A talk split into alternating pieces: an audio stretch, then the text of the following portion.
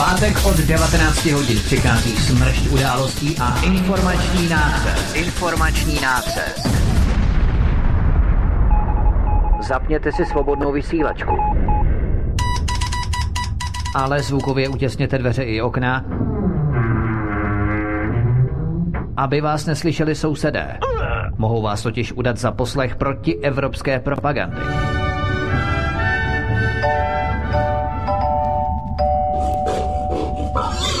Proto buďte tuctoví, všední a hlavně nevybočujte.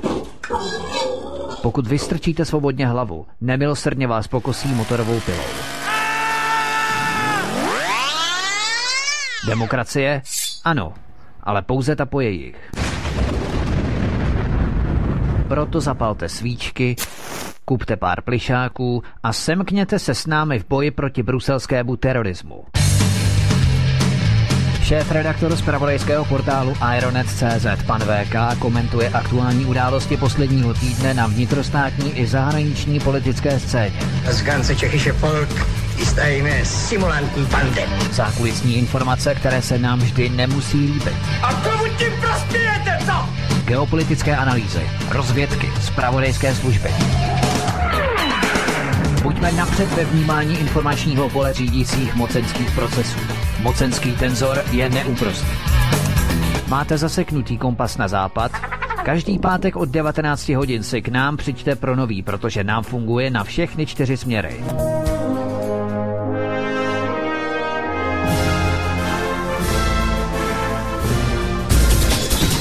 Každý pátek od 19 hodin šéf-redaktor z pravodejského portálu Ironet.cz pan VK krátký myšky jeho atamanského vyčínku vypumpuje náš tlak na 158%. Vedoucí kolotoče. Ve společném programu na svobodném vysílači CS. CS. CS. Ano, ano, dámy a pánové, já vás zdravím a vítám. Teď to tady musím zase přeštelovat, tak snad to všechno půjde v pořádku. U dnešního vysílání čekám tedy na spojení Vítka a pana VK. Tak, jak se slyšíme? Halo, halo. Tak dobrý večer, zdravím všechny posluchači ještě jednou od mikrofonu a zdraví Vítek v páteční pořad tradiční čas. Zdravím tebe Martine, naše posluchače, čtenáře Aeronetu a tebe VK ještě jednou hezký večer. Hezký večer, já tě také vítám Vítku, nebo také tě zdravím a zdravím Martina. Omlouváme se za opět, že začínáme o půl hodiny pozdě, technické problémy, opět nám někdo nepřeje, takže nás prosím omluvte a hned se pustíme do aktuálních tématů, takže přeji krásný pěkný večer. Můžeme Martine spustit, nebo si měl ještě něco rozpovídaného? Ne, ne, můžeme teda. Jo, fajn. Dobře. Takže první téma si myslím, že je zcela nabíledni, protože Jan Hamáček podporuje čínský biznis v České republice a výměnou za to ho Jaroslav Tvrdík s napojením na Miloše Zemana proloboval do funkce předsedy strany ČSSD. Proč k tomu došlo? Protože v roce 2015 došlo v Číně k zatčení podvodníků ze CEFC a už nebyli schopni čistit peníze pro předstírání čínských investic v Praze. A proto museli všichni sehrát dojemnou komedii, představit futienského mafiána Jitin Minga prezidentovi Xi Jinpingovi jako Zemanova poradce. Každý synolog, který viděl tvář prezidenta Xi Jinpinga, pochopí, co se v jeho tváři vlastně odehrálo. Ve skutečnosti nejde vůbec o žádné čínské investice v České republice, ale fakticky o peníze vytunelované ze slovenské JNT banky a poštovné banky Slovensko přes Česko do Číny. Díky spolupráci české a čínské mafie. V Česku to má údajně být Jaroslav Tvrdík, Vladimír Benář a další hradní batolízelové a lidé kolem ČSSD, plus čínský poradce prezidenta Zemana, který má být členem čínské triády futienské mafie v Číně Jitin Ping. Zjednodu, Jitin Ming, pardon. Zjednodušeně řečeno, dokud bude Zeman na hradě, tvrdík má krytá záda. Sice už nemá na chod CFC vliv, tam úřadují najetí manažeři čínské státní firmy CITIC, nechali tvrdíkovi ale slávy a nejedlý celý srpen a září vyjednával o tom, aby se CITIC nezbavoval všech aktiv CFC. Zejména nejedlému šlo o televizi Barandov, uvedl citovaný zdroj blízký CFC. K Jaromíru Soukupovi a televizi Barandov se později vrátíme, ale protože tato kauza pro běžného lajka bez ekonomického vzdělání poměrně, eh, nebo je poměrně nejasná, nečitelná, tak eh, možná bude VK dobrá, dobré, když to rozdělíme na několik sekcí, ten, eh, toto první téma a já ti budu klást konkrétní otázky, ty je budeš rozvádět, ty na ně budeš konkrétně odpovídat, abychom obludnost nebo šíři spektrum celé této kauzy srozumitelně nějakým způsobem objasnili, o co tady vlastně vůbec jde. Takže první otázka. Věděl Jaroslav Tvrdík už od začátku, že to je celé podvod a úmyslně do toho namočil prezidenta Miloše Zemana. Já jenom odkážu na článek, který byl vydaný, myslím, že ve středu nebo v úterý eh, na Aeronet.cz, kde je ta kauza kompletně eh, popsaná. Já myslím, že 90% posluchačů, kteří nás poslouchají, tak ten článek jistě četli. Ale kdo ne, tak eh, prosím přečtěte si ho, protože to je takový úvodník do tohoto našeho pořadu, abychom nemuseli vykládat v podstatě úplně celou tu šíři, ale abychom poskytli nějaké, řekněme, nadstav nadstavbové audio, advanced audio, tak eh, nějakým způsobem bychom to mohli rozvést. Takže první otázka VK. Eh, věděl Jaroslav Tvrdík už od začátku, pokud tedy on byl tím, který to celé eh, v podstatě sjednal, že to je celé podvod a úmyslně do toho namočil prezidenta Miloše Zemana. Myslí, že o tomto všem prezident Zeman věděl? Eh, no tak, tohle je sice jasná otázka, ale odpověď na ní eh, myslím si, že budeme hledat ještě velmi, velmi dlouho, eh, protože říct zde nějaké jasné a konkrétní stanovisko, to bude muset jedině já si myslím, eh, nějaký vyšetřovací orgán, případně policie, někdo, kdo se dokáže do té, řekněme, historie ponořit natolik hluboko, že získá přímo z výpovědí jednotlivých eh, aktérů nějakou podobu uh, toho, jaké byly jednotlivé kroky a kdo byl iniciátorem celé této kauzy. Protože to je velmi zásadní. Ehm, samozřejmě, že pan Tvrdík má za sebou eh, i jiné manažerské zkušenosti, eh, které nedopadly zrovna nějak úplně uchvatně. Všichni se vzpomínáme na mm, období, kdy šéfoval eh, českým aeroliním. To je kapitola sama pro sebe. A tohleto, co momentálně se točí okolo čínských investic, to je podle mého názoru, samozřejmě, že na, to se každý může dívat trochu jinak, to je daleko nad rámec toho, co by mohl pan Tvrdík si myslím vymyslet. Samozřejmě se můžu mílit, ale tohle je úplně organizované někým s, s obrovskými přesahy do mezinárodního biznesu, do mezinárodního obchodu a především do bankovních struktur. Protože proč? Já když jsem se díval na ty podklady, na ty dokumenty, eh, tak tam vidím určitou linku, která se táhne ke slovenským bankám. Pro obyčejného smrtelníka není možné, i kdyby dodal a předal eh, bankéřům eh, miliony a miliony dobrozdání, miliony eh, certifikátů, miliony takzvaných garancí, že všechno bude v pořádku. Nikdy byste nedostali půl miliardy eur na projekty, které zastřešuje pěkný úsměv prezidenta republiky. Další věc, a to je opravdu velmi zásadní souvislost. Eh, ze strany JNT i poštové banky, znamená těch dvou zmíněných slovenských bank, eh, nedošlo k žádné reakci, která by mohla být považována za reakci banky, která je zděšená, která je zhrozená, která je poškozená a která se bojí o svoji stabilitu. Při hrozbě nedobytnosti peněz, které byly poskytnuty v rámci takto obrovského a mamutího úvěru. Nikdo to nezaregistroval. Ten klid obou bank je zarážející. Proto já jsem rozhodil také některé ještě své kontakty eh, a v této chvíli ještě nemám odpovědi, nemám podklady, které by eh, objasňovaly některé tyto struktury. Nicméně existuje určité podezření, které teď nebudeme samozřejmě specifikovat, protože to je otevřená věc, je to otevřená kauza. Ale určité podezření, že toto bylo organizováno jako uh, určité finanční propojení nebo systém na praní špinavých peněz, čínské triády, skrze vybrané a zde musím zdůraznit nejmenované evropské banky. A e, jestli si někdo myslí, že tohle to vymyslel pan Tvrdí, tak já říkám, že z největší pravděpodobností v žádném případě ne. Na tohle nemá. Tohle to vymyslel někdo úplně jiný.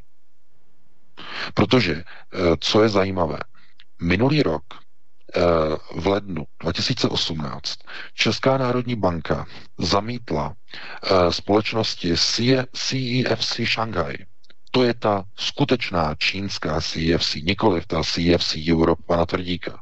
Ta skutečná čínská, která je pod kontrolou futienské mafie, chtěla koupit slovenskou JT Financial Group. Tak operuje i v České republice mimochodem. No a v České republice ČNB minulý rok v lednu 2018 odmítla umožnit CFC Shanghai odkoupit 50% podíl této slovenské banky. Důvodem bylo, že tajné služby České republiky upozornili Českou národní banku, že peníze, které pocházejí eh, z, ze zdrojů a z okolí lidí CEFC Shanghai jsou napojené a pocházejí z nelegální činnosti tzv. čínských triád. Z tohoto důvodu v lednu minulého roku Česká národní banka zamítla schválit odkup 50% eh, akcí JNT touto čínskou společností. Tohle je stopa. To je ta žhavá stopa, která vede ke skutečným architektům tohoto procesu. A pan Tvrdík, nezlobte se na mě, že to tak řeknu, ale pan Tvrdík hraje roli pouze jakéhosi bílého koně, který má dělat jakéhosi, řekněme, styčného důstojníka eh, v takzvané manažerské roli ve vztahu k Pražskému hradu. To znamená, on vzhledem ke svým vztahům e, na Pražský hrad, aby dokázal získat podporu Miloše Zemana, který svým, řekněme, dobrým, e, naivním způsobem upřímně věří v čistotu čínských investic v České republice. Protože nedisponuje informacemi, kterými disponují tajné služby a výsledek, který z toho může nakonec vzniknout, má nedozírné konotace a následky, ke kterým doufám nedojde ale e, tahle ta kauza je jednou z nejvýbušnějších kauz po roce 1989, protože je naprosto nepochybné, že se čínským triádám podařilo v Evropě infiltrovat do těsné blízkosti prezidentského úřadu jedné z členských zemí Evropské unie, České republiky. V tomhle já vidím největší hrozbu a Eh, řekněme, takové ty tanečky, které se okolo toho odehrávají, kdy čínský prezident Xi Jinping chce pomoci českému prezidentovi takzvaně eh, uklidit ten nepořádek, eh, takzvaně to vyřešit, přikrýt to. To znamená, že čínský prezident pověřil společnost Citic Group, aby takzvaně zametla za tímto problémem, aby převzala veškeré dluhy a veškeré Eh, řekněme, závazky, které na svém krku má eh, tvrdíková CFC Europe, tak to pouze ukazuje na to, že jde i o stabilitu a bezpečnost čínského prezidenta. Protože jestliže on se snaží vytvářet jakousi eh, cestu do Evropy skrze takzvanou novou hedvábnou stezku, která má mít evropskou bránu v Praze, to znamená v takzvaném pražském Jeruzalémě, z mnoha důvodů, tak potřebuje dobré vztahy s Prahou a ty může mít Čína a čínský prezident pouze v případě, že na Pražském hradě u moci bude současný prezident Miloš Zeman. Pokud by tam nebyl, Praha a Pražská brána pro Čínu by se okamžitě na dobro a definitivně zavřela. Proč? Z jakého důvodu? Viděli jsme reakci pražského primátora Zdeňka Hřiba eh, z Pirátské strany, který svými výroky na adresu Číny eh, ohledně lidských práv a nejednotnosti Číny, odmítnutí vlastně Číny, Tibetu a tak dále a tak dále, neuvěřitelným způsobem vhodil vidle do zahraniční politiky hradu a na to Margo čínské, eh, čínská města odvolala koncerty Pražské filharmonie v čínských městech. To znamená, byly zrušené veškeré zájezdy, které byly domluvené, byly přichystané. Eh, bylo to, bylo to opravdu velké, mělo to být velké, ale bylo to zrušeno. Protože eh, pražský primátor do toho takzvaně vhodil vidle. No, protože Piráti samozřejmě uh, sledují jinou stopu, to by, to by bylo na jinou dis, diskuzi, ale každopádně tím pilířem a garantem, řekněme, otevření té čínské brány do Evropy je uh, Miloš Zeman. A proto k němu se takzvaně afilují a snaží se přitáhnout různé, řekněme, čínské struktury, které zdaleka a zdaleka nejsou autorizovány jenom oficiálním čínským režimem a čínskou vládou. Protože přitahují se i různé entity, které mají dostatek peněz, které disponují obrovskými balíky peněz, ale nemají s čínskou vládou oficiálně naprosto nic společného. Jsou to různé trusty, jsou to různé organizace registrované v Hongkongu, různé firmy s akciemi na doručitele, kde ano, mají své podíly jednotliví funkcionáři komunistické strany Číny, neoficiálně. Ovšem, tyto podíly tam drží e, takzvaně s akciemi na doručitele a celé to zastřešuje futienská mafie. Nebo futienská mafie je jedna z mafií v Číně, které tvoří takzvané čínské triády. Takže to ne, ta největší hrozba je v tom, že to, co do současné doby bylo označováno za čínské investice a proces přijímání investic byla ve skutečnosti obrovská pračka na peníze čínských triád, které se jakoby dostávaly a proplouvaly různými cestami skrze různé úvěry, které byly nekryté, naproti bankám, kterým to nějak jako nevadilo a e, nakonec to přikryje čínská vládní agentura CITIC, která to takzvaně uhasí a přihasí. Takže já to jenom uzavřu, že pokud si někdo myslí, že tohleto zorganizoval a se vší úctou pan Tvrdík, tak je asi naivní blázen. My nevíme, kdo je přímo tím autorem, tím architektem, ale tohle to vymyslel někdo nebo skupina lidí, která se umí pohybovat v oblasti praní obrovských, obrovských finančních balíků na mezinárodní úrovni. A tohle to zvládá pouze mafie. Tohle to nedokáže zajistit jedna konkrétní fyzická osoba.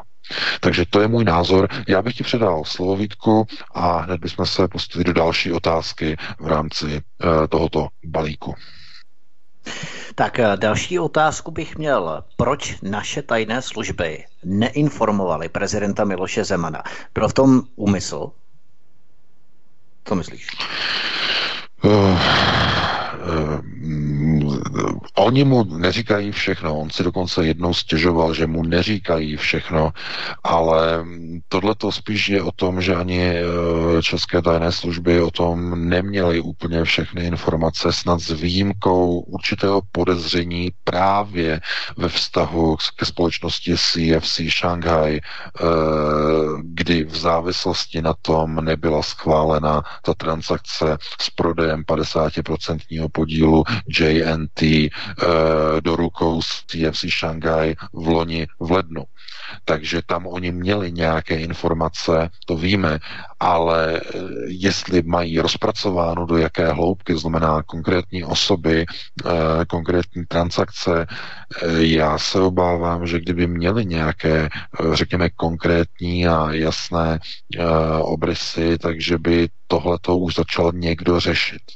Tak by to zařízli, Takže... protože pan Koudelka si musí zasloužit to vyznamenání z Pentagonu. Ano, přesně tak, přesně tak. Protože všichni víte, všichni víte, že po Číně jde americká státní moc jako slepice po flusu, když to takhle řeknu.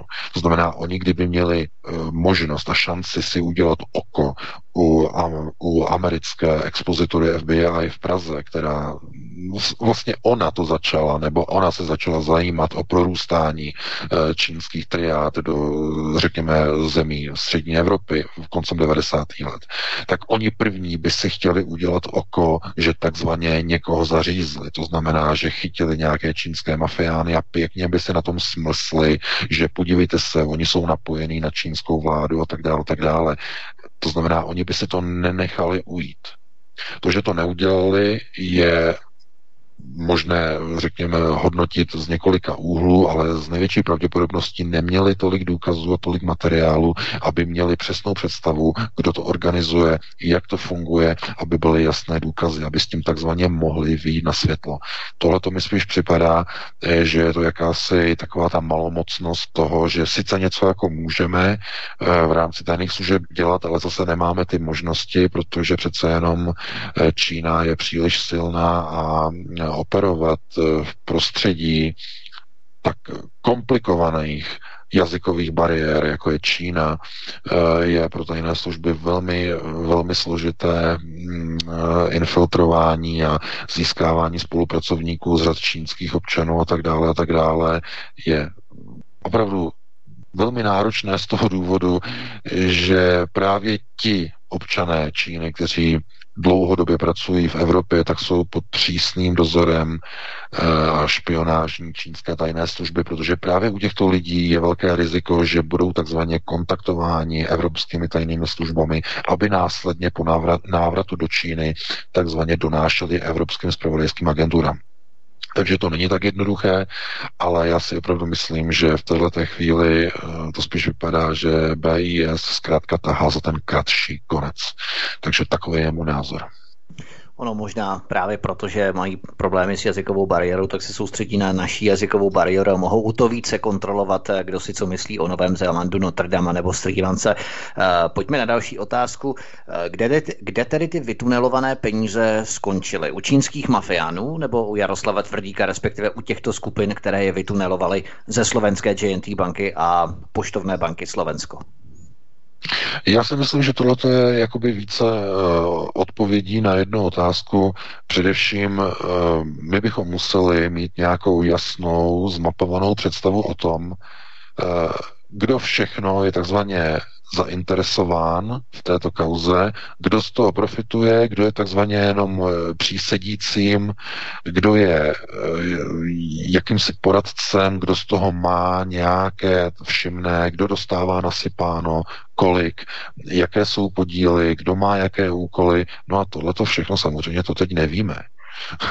Takže říct, kdo kde má své jaké podíly, kde ty peníze skončily, eh, to je jako se ptát prostě, eh, jestli Al Capone si dával peníze do banky anebo pod postel.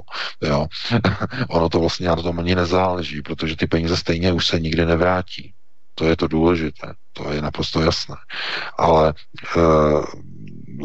bude, já, já říkám, bude velmi zajímavé sledovat vlastně to napojení mezi Citykem, CFC a těmi zmíněnými bankami, eh, které eh, ve skutečnosti jsou ty, které poskytly všechny ty takzvané peníze pro ty takzvané v uvozovkách čínské investice. To je něco neuvěřitelného.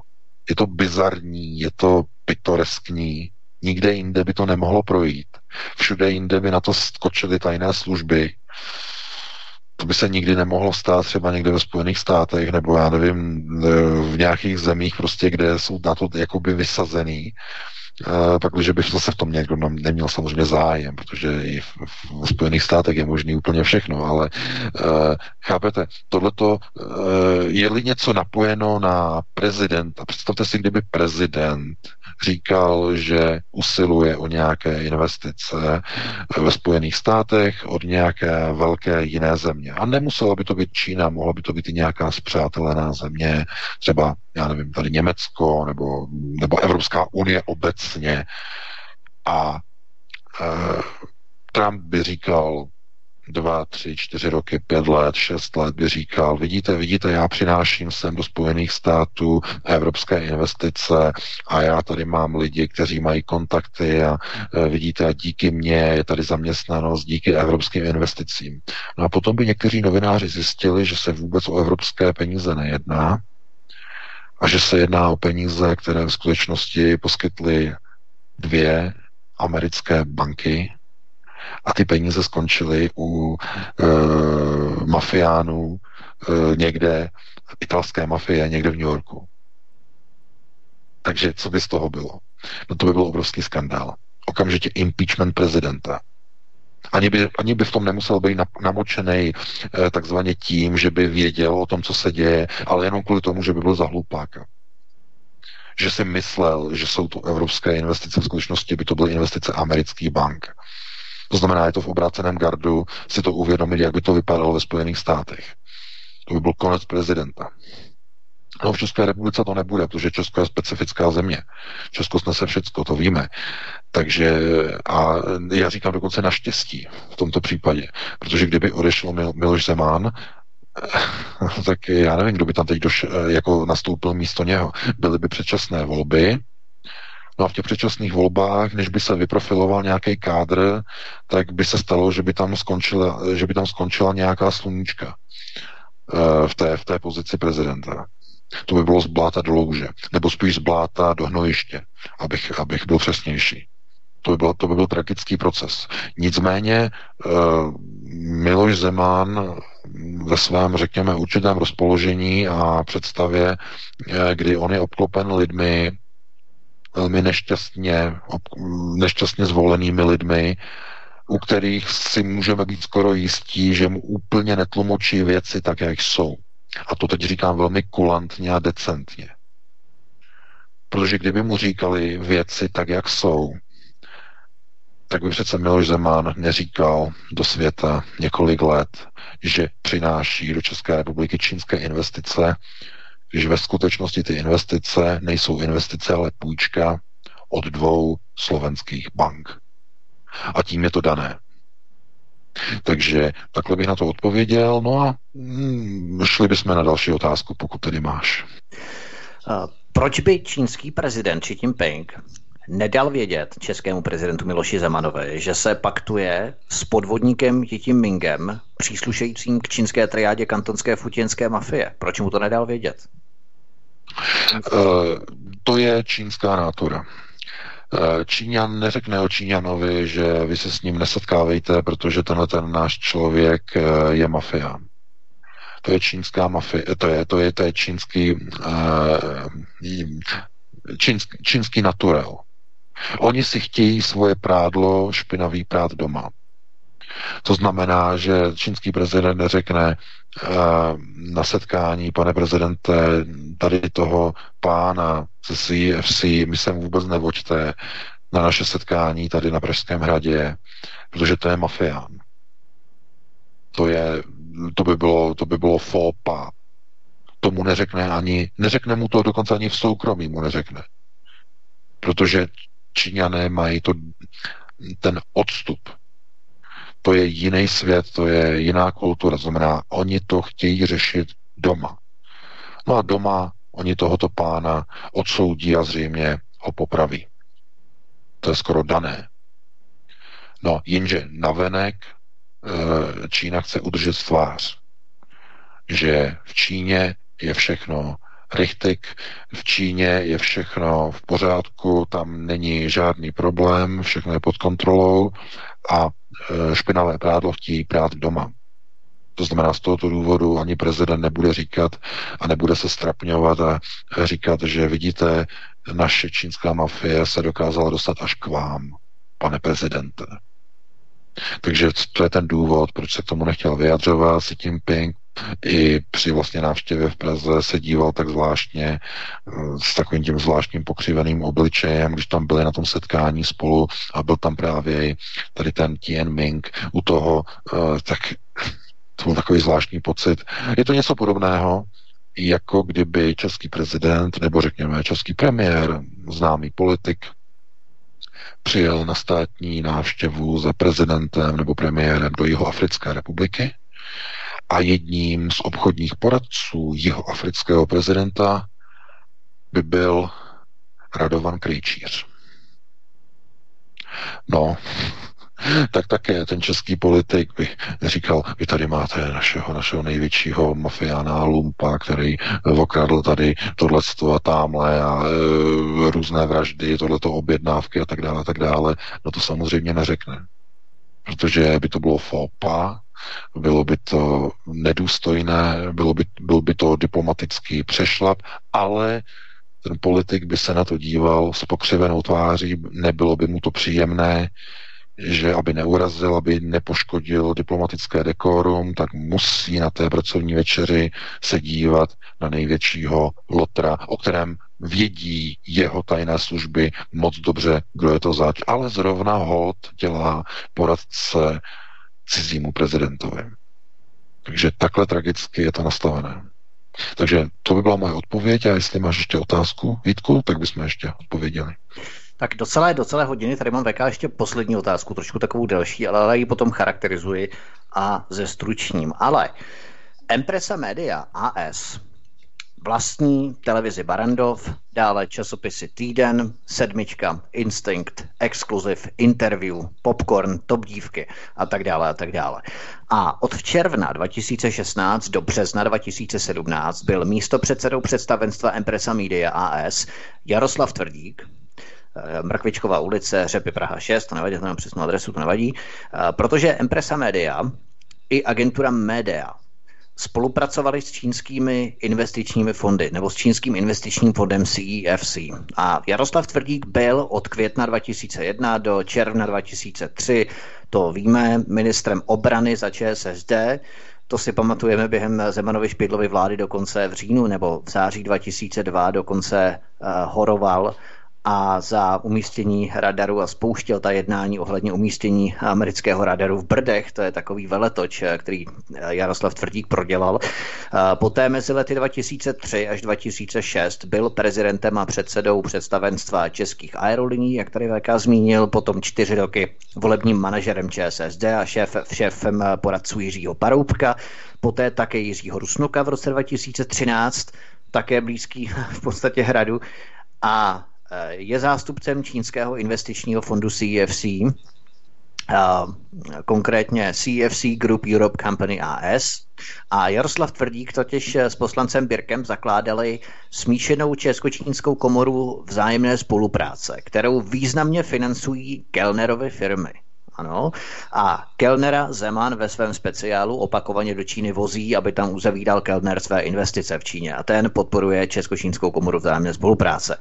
A v roce 2015 dojednal Jaroslav Tvrdík prodej majoritní části fotbalového klubu SK Slavia Praha čínské společnosti CFC. Následně byl na valné hromadě dne 20. října 2015 zvolen místo předsedou dozorčí rady tohoto fotbalového klubu. Nicméně Jiří Šimáně ze stroje exportu bývalé PZky také z čínských investic do SK Slavia vycouval, ale dále CFC podniká v rámci letecké firmy Travel Service, ale pokud se zaměříme právě na Jaromír Soukupa a televize Barandov, myslí, že Jaromír Soukup musel, anebo musí mít informace z první ruky o tom, jaká je situace okolo jeho takřka mateřské společnosti CFC, to bráno v úvozovkách, eh, že se nemůže Jaromír Soukup vymlouvat, že nemá absolutně vůbec žádné tušení o tom, jaký, jaký obrovský tunel se tady odehrával online v přímém přenosu eh, výměnou za financování třeba jeho televize Barandov z těchto kruhů. Takové přátelské, řekněme, já na vás práskat nebudu klucí, co tady, eh, co tady pečete v zákulisí, ale výměnou za moje mlčení vy mě budete financovat televizi. Protože pan Nejedlý právě usiloval uh, v rámci aktiv CFC o tu televizi Barandov, jak jsem tady zmínil uh, v srpnu a v září minulý rok. Takže do jaké míry myslíš VK, že je tento konstrukt logický?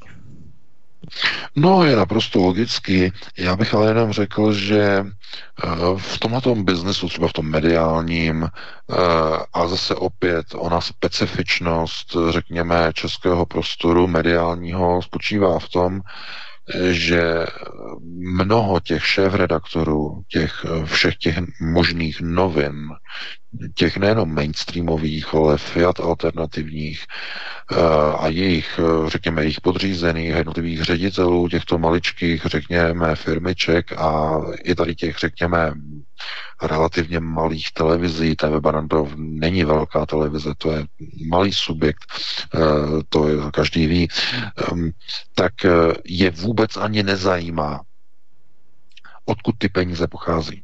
Samozřejmě je to špatně, ale je to nezajímá. Oni tuší, nebo dokonce mohou vědět. Někdo jim to řekne. Ale je jim to úplně jedno. Jim jde o to, aby tu investici dostali. Tohle je uvažování takových těch, řekněme, eh, těch lidí, kteří mají nějaký projekt, chtějí něco realizovat a bohužel jdou do kontraktu, jdou do kontaktu, do kontraktu s kýmkoliv, kde ochotný ty peníze poskytnout. Protože najít v dnešní době investora e, na rozumnou věc, která by třeba přinesla já nevím, nějaký užitek, nějakou službu nebo nějakou produkt je, je strašně těžké. E, to znamená, e, když najednou se objeví někdo, je ochotný e, nasypat někde nějaký balík velký a neříká si za to vůbec nic a jenom říká, my chceme, aby v té televizi, kterou budete projíždět nebo budete rozjíždět tak, tak my chceme, abyste tam udělal velký prostor pro naše, na, pro našeho přítele, pro pana prezidenta. A abyste mu tam uděloval prostor tak, jak on bude potřebovat. A také, abyste tam uděloval prostor pro naše lidi, které my podporujeme. To znamená, o kterých třeba ani veřejnost neví, že jsou napojeni na Čínu. No a ta dohoda je daná. Proto máte různé televize, které jedou objednávku ve prospěch například amerických partnerů. Ve prospěch migrace, to jsou zase jiné televize. Ve prospěch takzvaně prožidovského ukotvení v rámci střední Evropy, v rámci Prahy, jakožto takzvaného evropského, nebo řekněme, eh, tomu říkají eh, takzvaný pražský Jeruzalém, to znamená, různá média, různá televize a různá rádia jsou napojená na různé zdroje financování.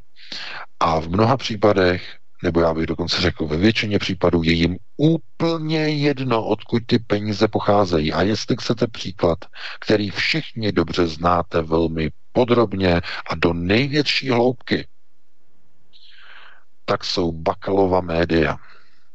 Hospodářské noviny, aktuálně CZ, Respekt, já nevím, co ještě oni všechno vydávají, zkrátka vydavatelství ekonomie.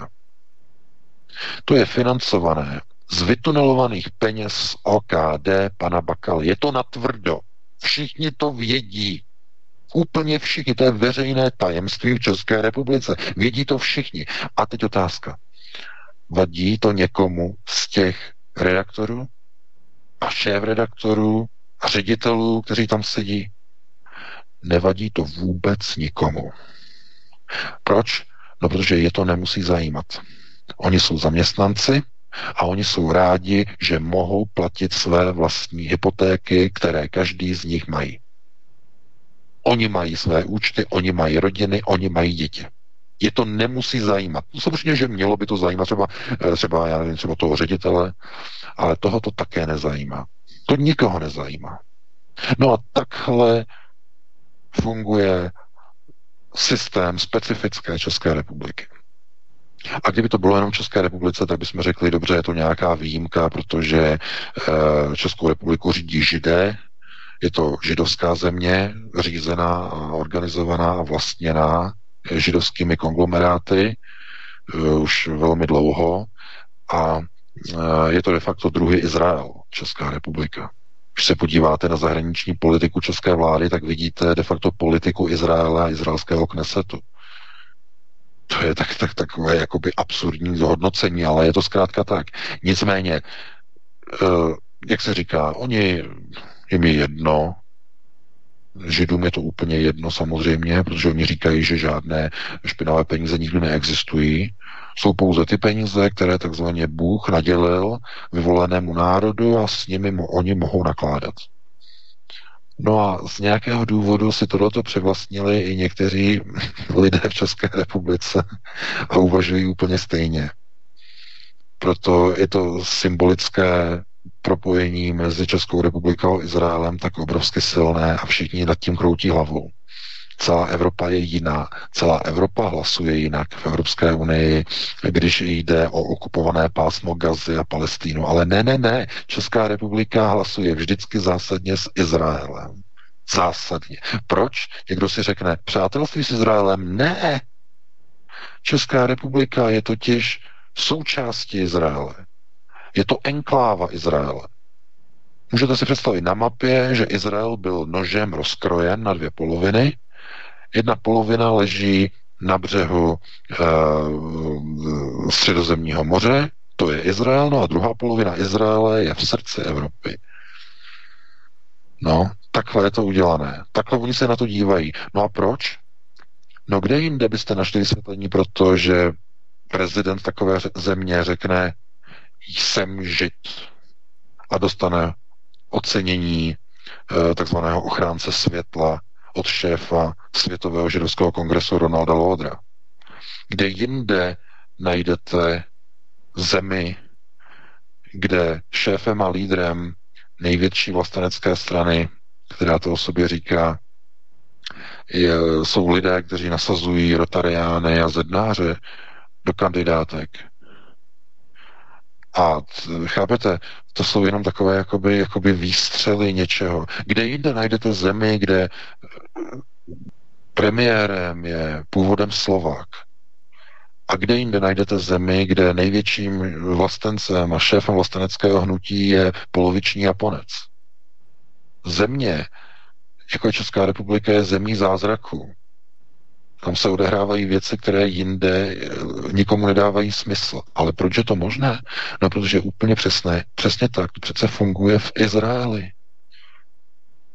No, v Izraeli drží moc uh, Izraelci, kteří vůbec nejsou z Izraele. Jsou to Rusové, jsou to původem Němci, jsou to původem uh, lidé ze Spojených států, zkrátka ale mají samozřejmě izraelské občanství, ale nejsou to narození semité, že by se narodili v Izraeli. To jsou jenom ti mladí z nich, někteří z nich.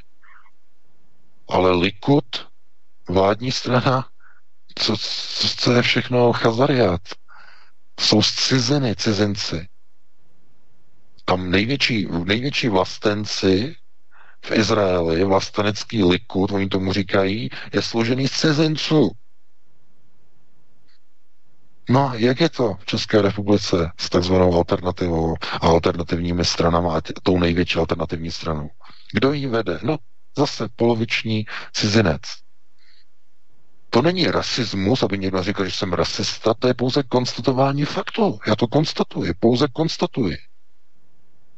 Někomu to může připadat jako absurdní, nepochopitelné, ale znovu, pokud víte že Česká republika je součástí Izraele, myšleno na té ose e, zahraniční politiky, no tak najednou vám to všechno logicky začne zapadávat do sebe. Proč všude na všech velkých a hlavních místech řízení České republice jsou židé? Proč všude? Kompletně dolů. A pozor, když tam nejsou židé, tak jsou tam ti, kteří jim slouží. To znamená e, zednáři na 33. stupni, 31. stupni, zasvěcení, rotariáni, Rotary klub, to znamená takzvaný, oni tomu říkají systém technologů, technologi, systém technologické moci. Oni jsou níž pod zednářem a rotariáni. No ale jsou všechno takzvané židokřesťanské, nebo oni to rádi jako spojují dohromady, takzvané židokřesťanské organizace. No, takže já jenom chci říct, že propojení, hm, řekněme, politických procesů je natolik hluboké, že bychom o tom mohli povídat velmi a velmi dlouho, ale máme 20.09, dáme si přestávku, eh, Vítku, a hned po přestávce bychom se pustili do dalších témat. Co říkáš?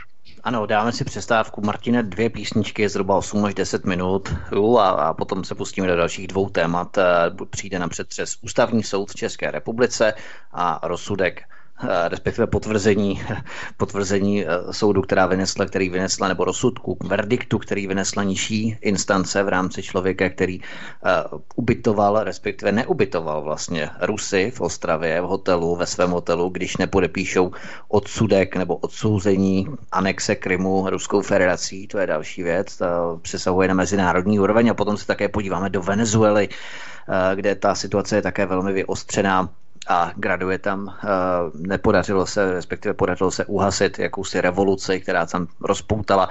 Takže dáme si písničku Martina a potom půjdeme na další polovinu, vlastně třetinu. Ano, ano, počítám s tím, takže jdeme na to. Tak, tak, tak, dámy a pánové, jdeme se kouknout zpět na Vítka a pana VK. Vítek je samozřejmě náš redaktor a pan VK je šéf redaktor časopisu Aeronet nebo informačního serveru. Takže pánové, dobrý večer, slyšíme se zpět? Ahoj Martine, slyšíme se. Výborně. No, slyšíme se dobře. Dobře, dobře. Tak je to vaše. Tak skvěle, já tady jenom takovou drobnou vsuvku mám. Teď jsem se dočetl eh, na jednom článku z novinek, že cizince nechtěli pustit na WC v restauraci a proto zakřičel Allahu Akbar a všichni utekli a na to WC se dostal. Takže doporučení, pokud budete potřebovat na WC a nebudete se, nebude se vám chtít platit, tak můžete v Čechách zakřičet Allahu Akbar a všichni utečou a vy si budete moci v klidu odskočit zcela zadarmo. Takže to je jenom takové drobné doporučení, ale pojďme na další téma. Eh, Česká republika si zase jednou uřízla neuvěřitelnou ostudu. Ústavní soud v Brně v úterý totiž vynesl skandální sprošťující rozsudek v jedné zdánlivě banální kauze. Ovšem její důsledky mohou mít obrovský dopad nejen pro české občany, ale i pro Českou republiku. V rámci mezinárodních závazků ústavní soud se totiž eh, podle názoru odborníků na lidská práva dopustil porušení jednoho ze základních principů Helsinského protokolu o lidských právech. Rycheckého družina soudců na ústavním soudě v Brně totiž eh, vyrobila precedens, který v Evropě vůbec nemá obdoby. K čemu tady vlastně došlo, VK? Já už jsem to částečně načnul před eh, písničkou, tak to určitě rozved, rozvedeš. No tak došlo k tomu vlastně už v roce 2014, kdy uh, ostravský hotel Britony nebo Briony, uh, se omlouvám za ten název, co je takový zvláštní název, židovský, ale uh, oni zkrátka nechtěli po té, co vlastně došlo k okupaci, uh, nebo oni to nazývají okupaci, nebo anexi to nazývají, připojení násilné a tak dále Krymu.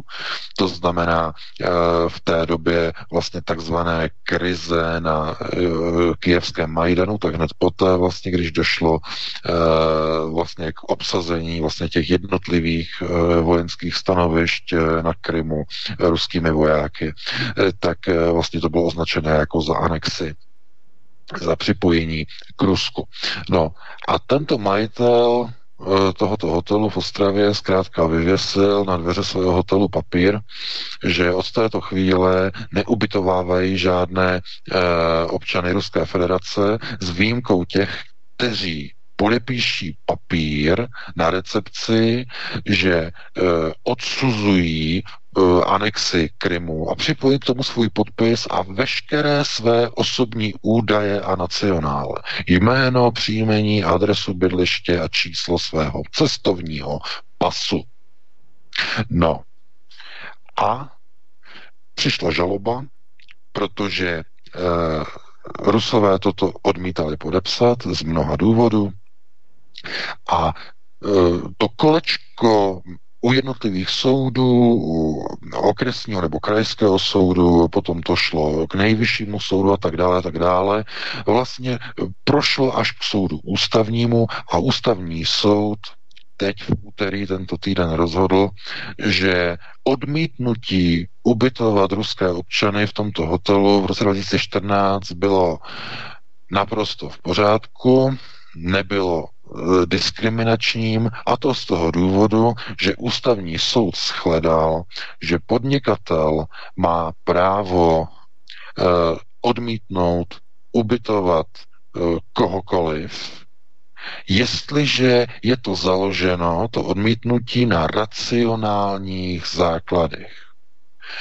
No a tohleto je zkrátka eh, obrovské je to, je to obrovský skandál, pro který nelze najít eh, jakoukoliv zkrátka omluvu, protože tím je přece eh, postaveno na hlavu všechno to, co bylo přijato v roce 1975 v rámci takzvaného Helsinského protokolu, který v článku 7 se zabývá lidskými právy.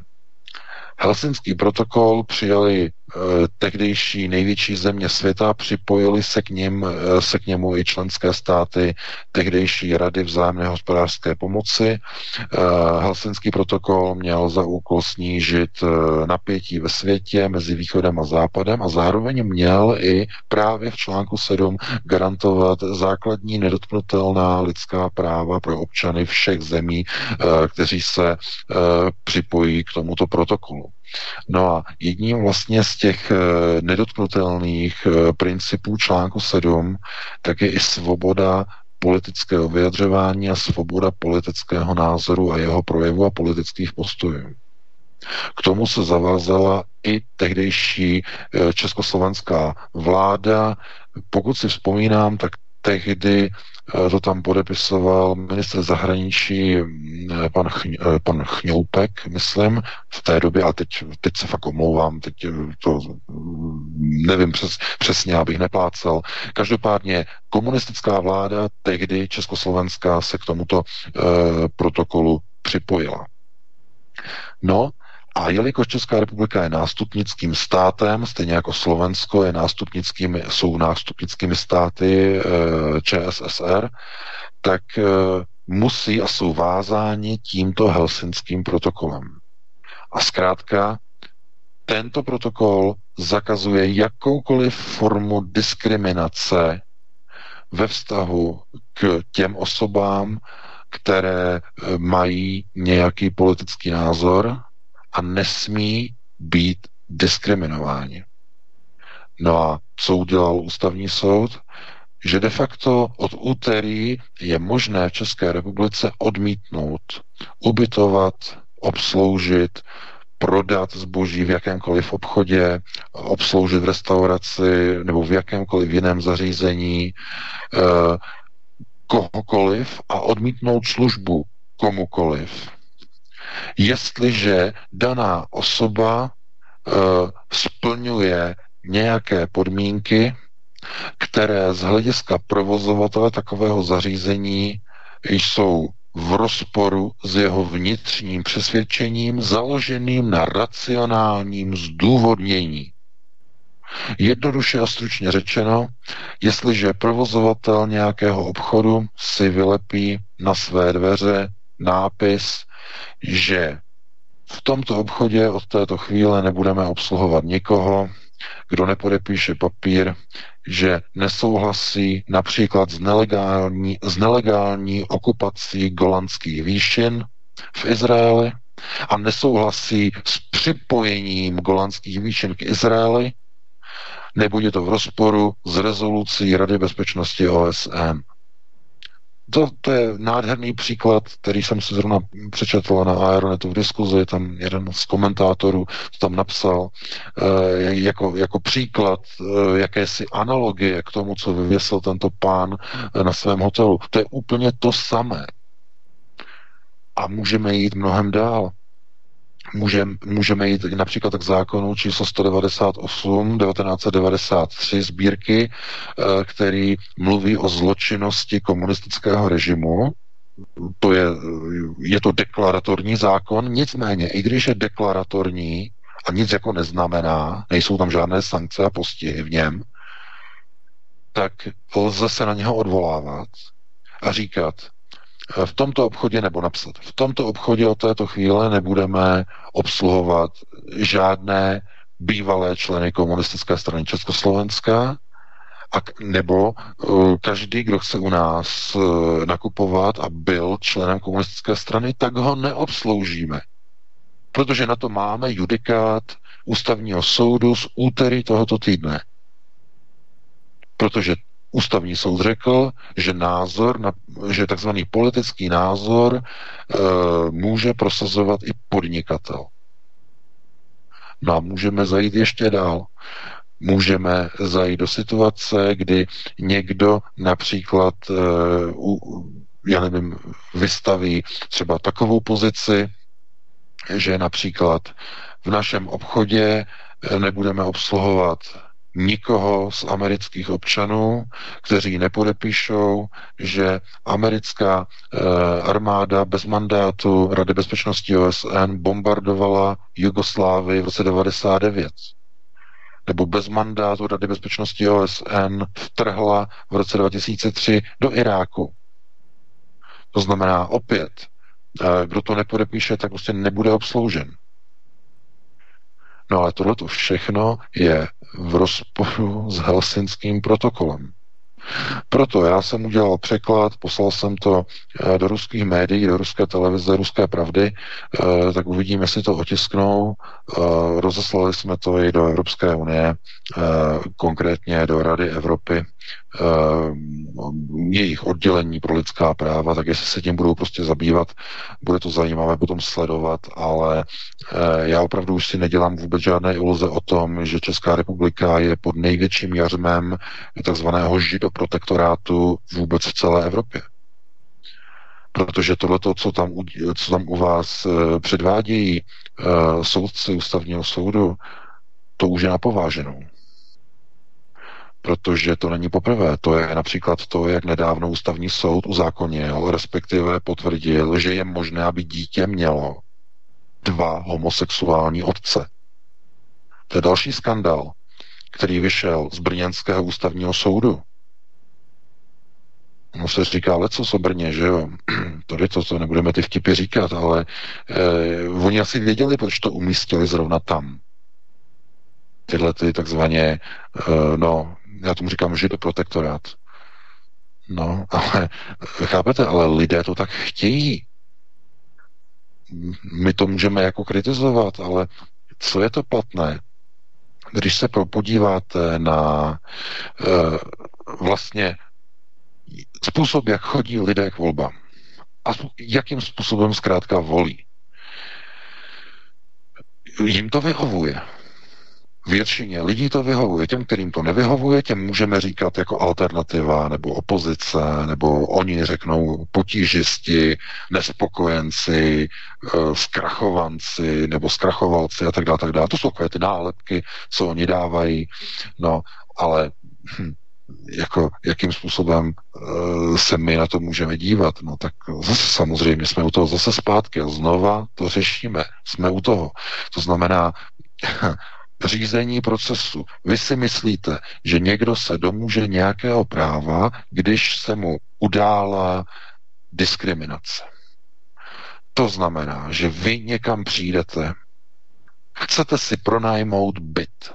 Jenže, když máte tu smůlu, že nejste cikán a odmítne vás majitel bytu ubytovat, protože se o, o vás dozví, že volíte levici a on je pravičák, tak od této chvíle je to naprosto v pořádku podle ústavního soudu, dámy a pánové.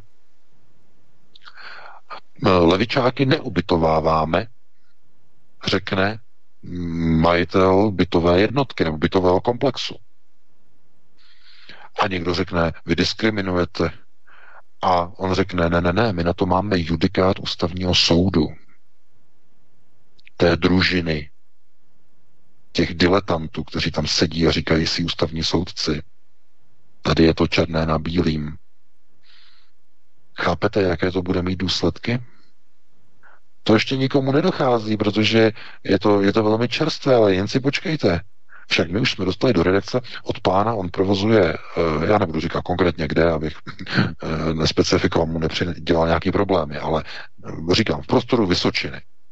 A má hospodu a že už prostě zkrátka kvůli jako Jugoslávii a bombardování, tohleto, že to tam prostě vylepí a nebude prostě obsluhovat nikoho, prostě kdo mu to tam nepojepíše. No a jako můžeme se na to dívat, že má správný názor, že jo.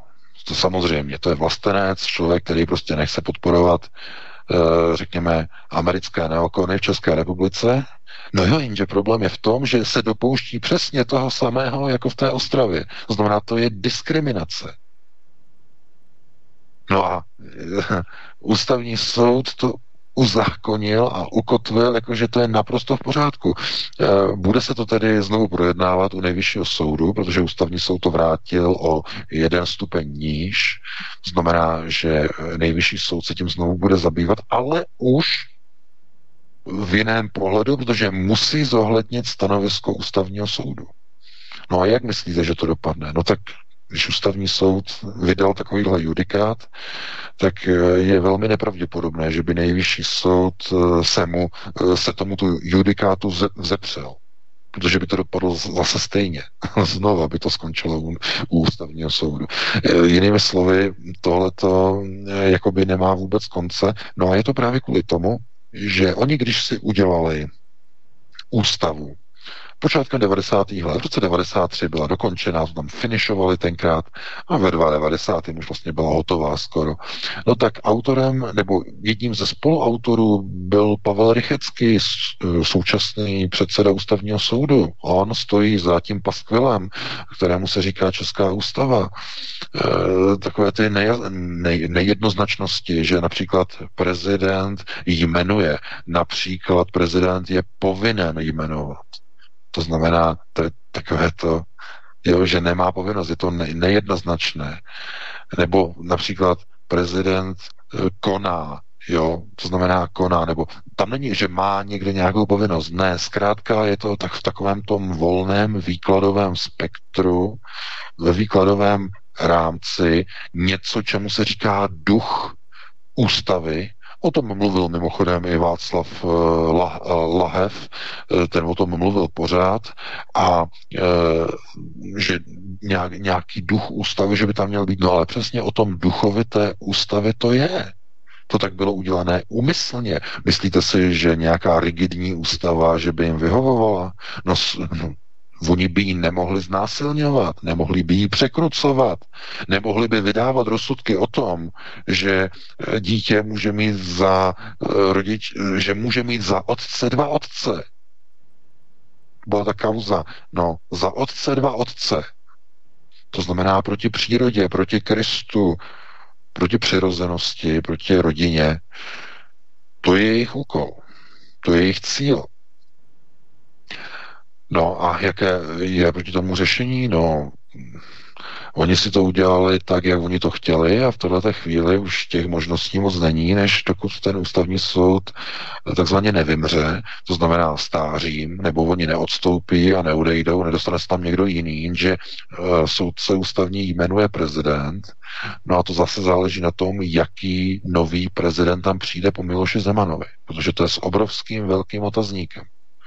To může být, já nevím, nějaký kádr, který třeba bude mít uh, podobný náboj jako Miloš Zeman, což by uh, bylo třeba to pozitivní, ale může tam být třeba nějaký úplný sluníčkář. A to opravdu hrozí, protože každý rok vyrůstají tisíc, ne tisíc, ale desítky tisíc, nějakých 136 tisíc eh, nových lidí je plnoletých, kteří právě vyšli ze středních škol.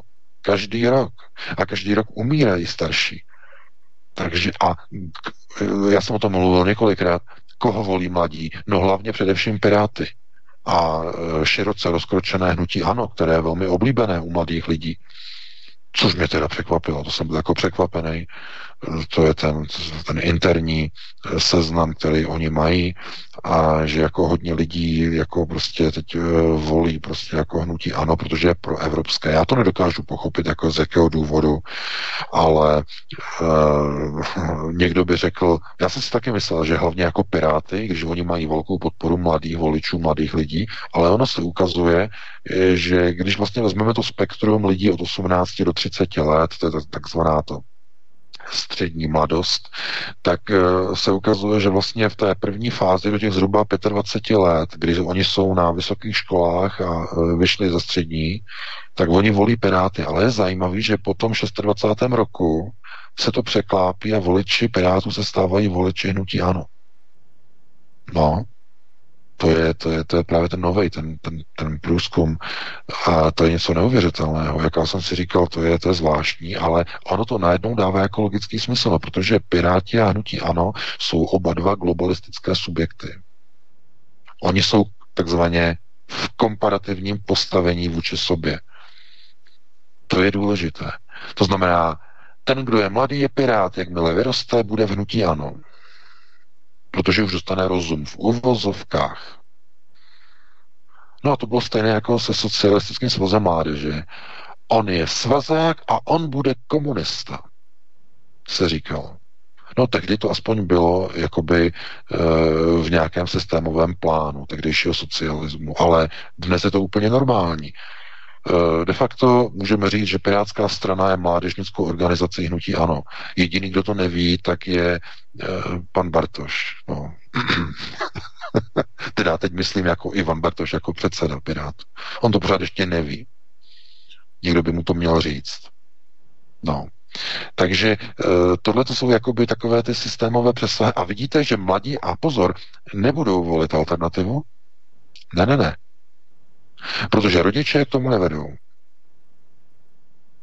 A potom se nemůžete divit, že probíhají ty procesy, které probíhají. Někdo potom říká, že jako, jak to změnit a tady to, a že já nevím, půjdeme do, Evrop, do Evropské unie a tak dále, budeme měnit. Pro Boha.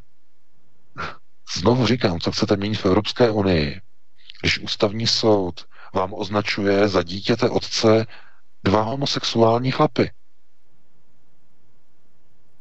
Jako, chápete? Kde je ten hlavní problém? V Evropské unii? Ne, to už je jenom důsledek.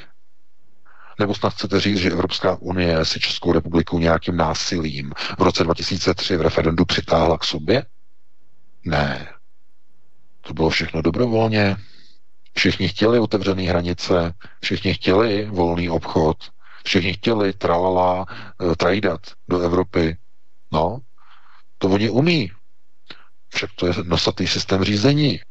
My vám nabídneme, na udičku vás natáhneme a potom ji zasekneme.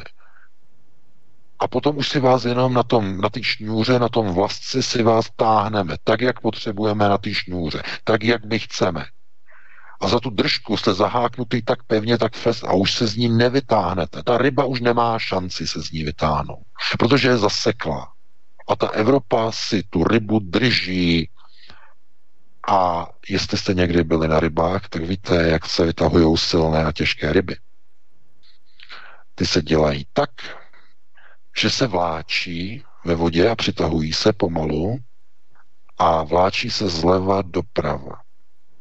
Zleva doprava a přitahujete. Zleva doprava přitahujete zleva doprava až ke břehu, až je ta ryba tak blízko, že ji podeberete do podběráku a ryba je vaše. Přesně takhle funguje Evropská unie a všechny její členské státy. Jediné, čím se to liší, je rychlost přitahování evropského navijáku. Když to malá ryba, průměrečná ryba, taky to se pustí, to je ten pirát, že jo? Ano, přesně tak, přesně tak. Jo, to, to jsou to prostě takové ty příměry. A jako zleva doprava, chápete, volíte levici, pravici, levici, pravici, ale ve skutečnosti, ať volíte vlevo nebo vpravo, všechny ty strany míří směrem k Evropě. Proto nikdo nechce vystupovat z Evropské unie. Proto se vystupování mění na reformy. Už to prosím vás pochopte. To je to důležité. V tom se liší alternativa od Fiat alternativy. My neslibujeme lidem reformovatelnost něčeho, co je nereformovatelné a opravitelnost něčeho, co je neopravitelné. Z toho háčku se nedokážete vyseknout.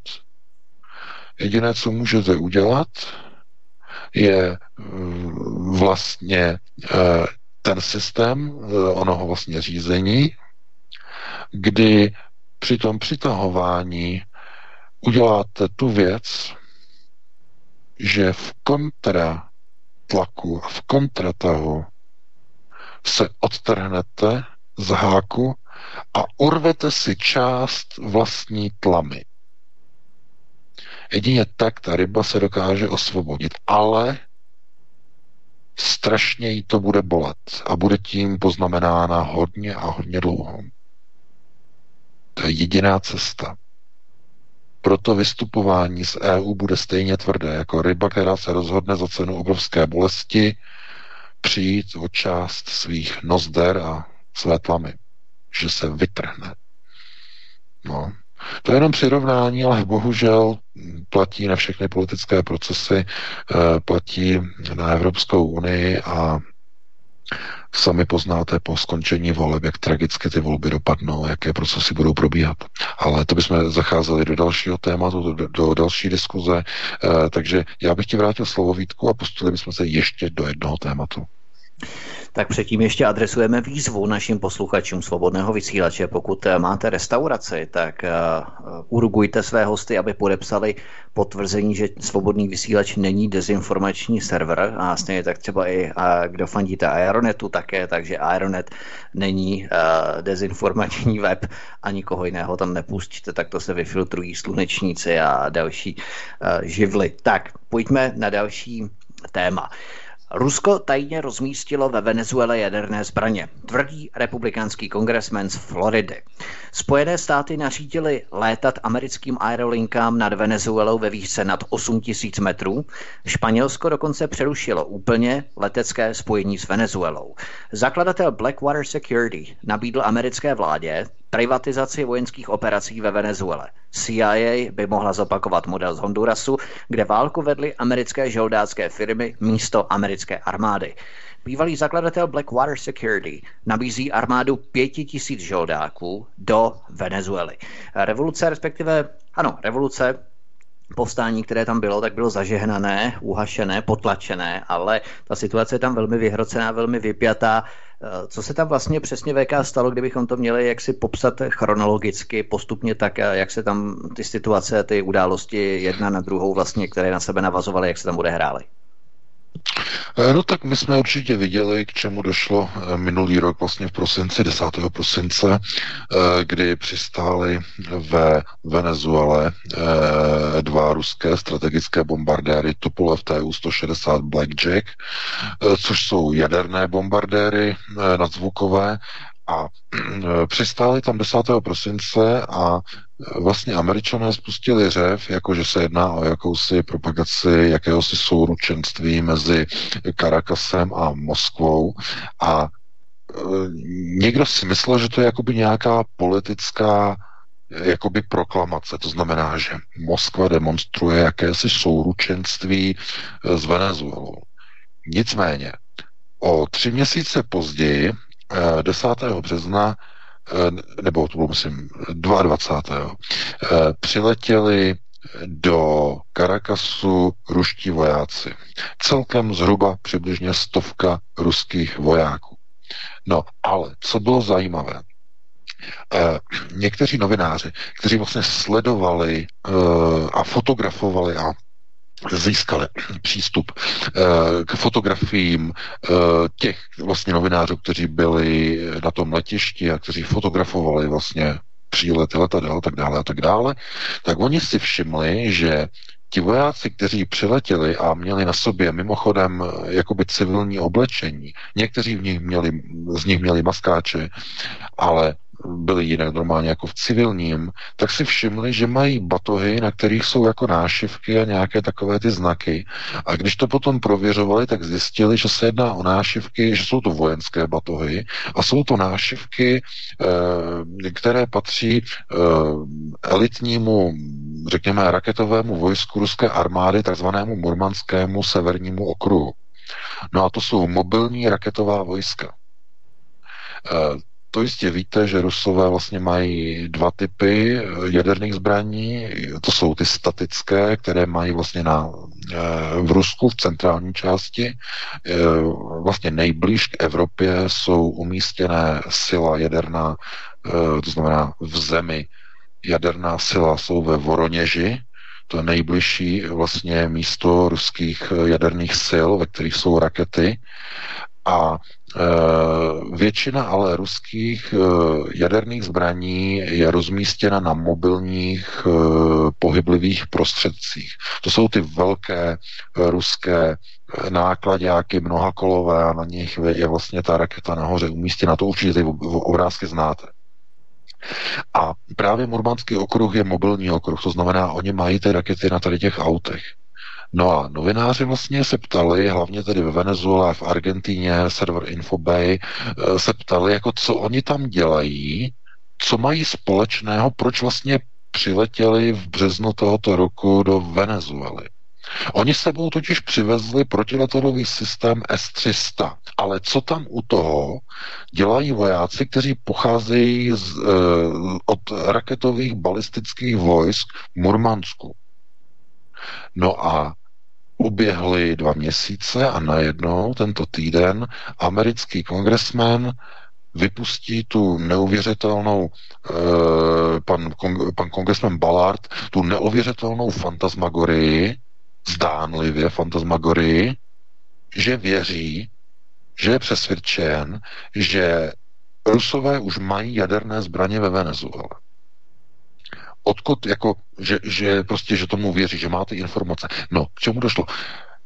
On se do značné míry mohl prokecnout něco, co nemělo být ještě vypuštěno ven. Ono by to totiž logicky do sebe zapadalo. Eh, co asi mohli přivést eh, do Venezuely dva jaderné bombardéry? Proč by letěli až z Ruska do Venezuely? Ano, mohli kvůli politické objednávce, propagační let, mohli. Ale proč by tam za nimi potom tři měsíce později přijeli vojáci e, z ruského severního raketového okruhu? Teorie, a je to velmi reálné, je nastavená tak, že Rusko přivezlo v těchto letadlech v prosinci, v těchto TU-160, dvě až čtyři jaderné hlavice, které jsou strategicky rozmístěné v centrálních bodech venezuelské infrastruktury Madurovy vlády v jeho paláci, pravděpodobně eh, v budově ústavního soudu, na dalších, eh, v té elektrárně, která je hned za Caracasem, to znamená na důležitých opěrných bodech venezuelské infrastruktury. No a americká doktrína Steel Rose v bodě 36 jasně říká, Spojené státy nikdy nebudou provádět bombardování míst, kde je riziko že se nacházejí uskladněné jaderné zbraně. A tím je to dané. To znamená, co udělali Rusové podle mého názoru je, že použili taktiku dead hand. Eh, rozmístili rakety, tedy ne rakety, ale hlavice, jednotlivé hlavice do míst tak a ostentativně aby američané věděli, že tam jsou. Ostentativně. Proto to bylo veřejné. Ten přílet nebyl utajovaný, byl veřejný. Ty bombardéry tam přistály, fotografové, všichni tam byli, aby to viděli a zároveň, aby potom viděli přílet ruských vojáků. Nebylo to totiž v noci, bylo to v pravé poledne. Tam přistáli rusové v, teď v březnu těch 100 vojáků v poledne.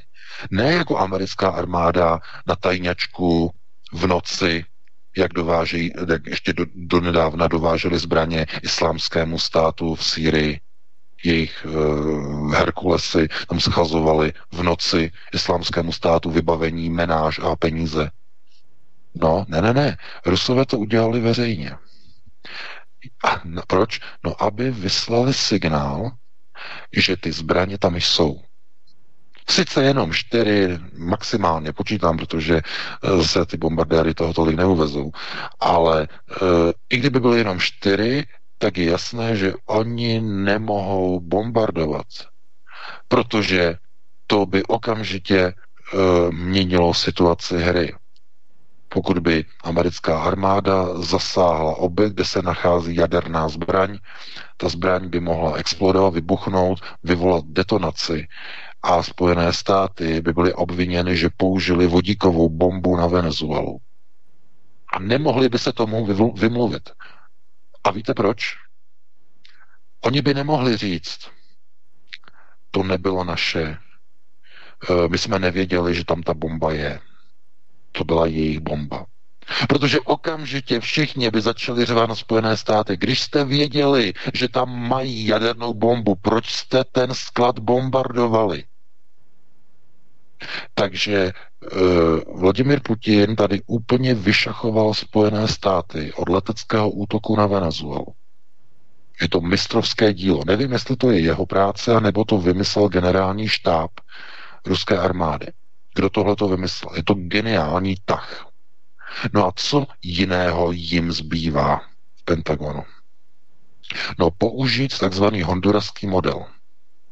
To znamená použít pozemní e, vojáky, pozemní gerilu, která se pokusí rozvrátit Madurovu vládu a vyvolat občanskou válku. To znamená udělat to rychle, udělat to čistě, což samozřejmě z největší pravděpodobností se nikdy nepovede. A proto nikdo nechce ve skutečnosti tam nic vojensky řešit.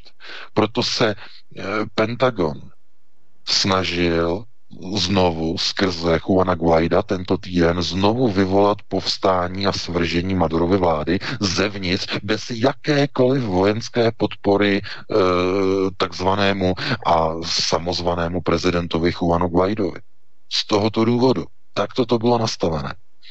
To znamená, oni nechtějí tam do toho jít, oni chtějí nějakého prostředníka, který posune Venezuelu do náruče Spojených států bez toho, aby tam musela e, vlítnout americká armáda, která by tam ani nemohla jít, k tomu by nedostala mandát, mezinárodní mandát rozhodně ne, maximálně americký mandát. A to by, to by k tomu musel dát souhlas Donald Trump, který tomu souhlas nedá.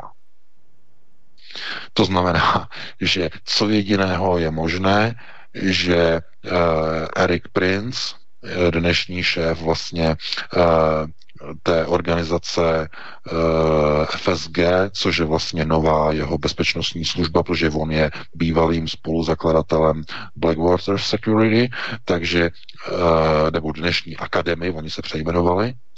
No a on jim nabízí pět tisíc vojáků že pět tisíc vojáků provede privatizovanou válku ve Venezuele a že těchto pět tisíc vojáků dokáže svrhnout eh, vládu Nikolase Madura. Je to samozřejmě šílenství, protože z jakého důvodu? Oni udělali ten pokus z pondělí na úterý, nebo to bylo z neděle na pondělí, nevím přesně, eh, ten pokus o puč v Venezuele.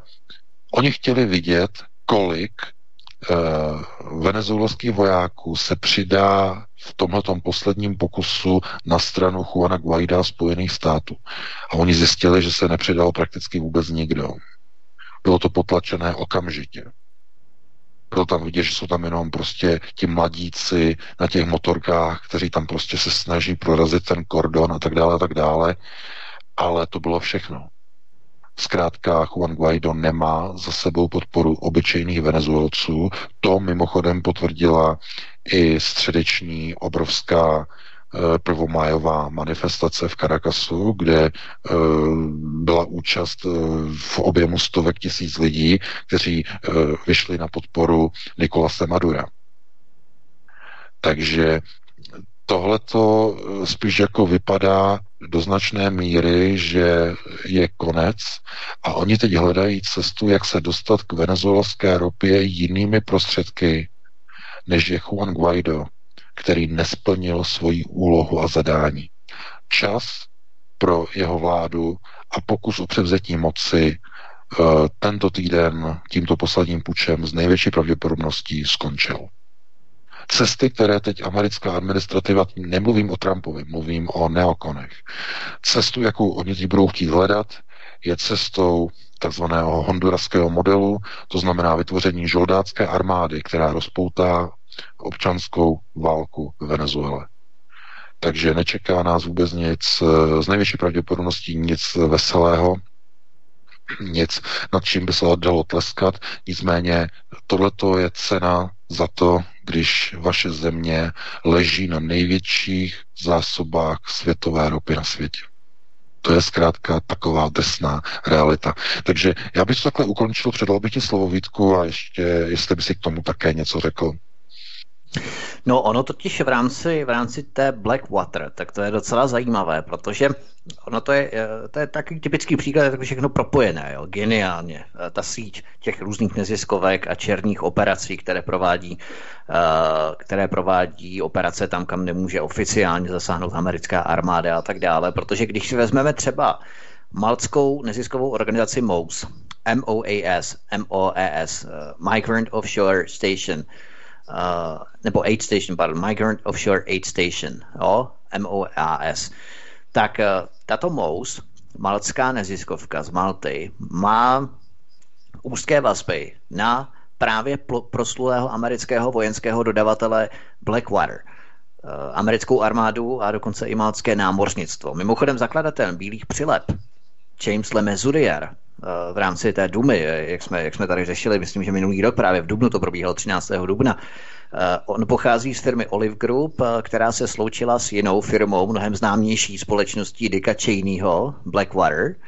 A tato firma, protože Blackwater je vlastně Dick Cheney, viceprezident bývalý George Bushe mladšího, a tato firma proslula svými černými operacemi v Iráku. To samozřejmě všichni víme, které z morálních důvodů nemohla provádět eh, americká armáda, ale zpátky k té MOUS té malcké neziskovky. Eh, protože tuto MOUS, tu malckou neziskovku, řídí eh, Chris Cattermbone a jeho žena Regina Cattermboneová. A Chris Cattermbone se narodil na Louisianě, kde zažil krizi v roce 2005 v rámci hurikánu Katrina, k tomu se dostaneme za chviličku.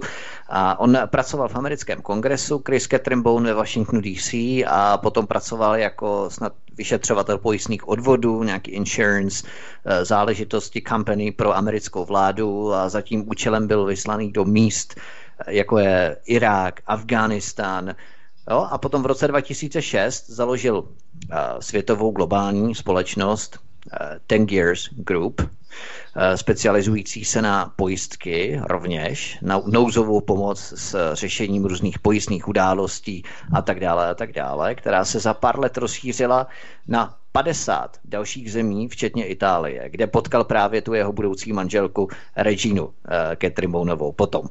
A pak na Maltu, kde založili neziskovou organizaci MOUS, aby pomáhali populaci, populacím ze třetí nebo jak oni to říkají, ze třetích zemí, uh, third countries, uh, překonávat moře, jo, oni to nazývají. No a pro lepší život, dejme tomu. A další člen výboru toho MOUS, té mal- malské neziskovky, uh, je Ian uh, Ruggier, což je bývalý malský námořní kapitán, který je známý pro jeho extrémně strašné zacházení s uprchlíky. Další člen MOUS, té malské neziskovky, je Robert Young Pelton, což je jejich strategický konzultant. A ten Robert Young Pelton dříve pracoval um, jako novinář na volné noze, freelancer, a dostal se do kontaktu s člověkem jménem Eric Pritz. A to je přesně zakladatel Blackwater. A tady se právě už dostáváme k tomu Blackwater, protože Eric Prince je právě zakladatelem té neblaze proslulé Blackwater, potom vlastně Dickem Cheneym. Mimochodem Blackwater byla zaměstnaná právě v Louisianě v roce 2005 během toho hurikánu Katrina. Jo? A tady byl právě ten zakladatel Mouse, Chris Catrimbone a právě Robert Young Pelton, nyní strategický konzultant z té malcké neziskovky Mouse, se tady nepohodl právě s Erikem Princem ohledně nějakých finančních záležitostí a tak dále a nyní Mouse zaměstnává muže, kteří dříve pracovali ve společnostech, jako je právě Blackwater.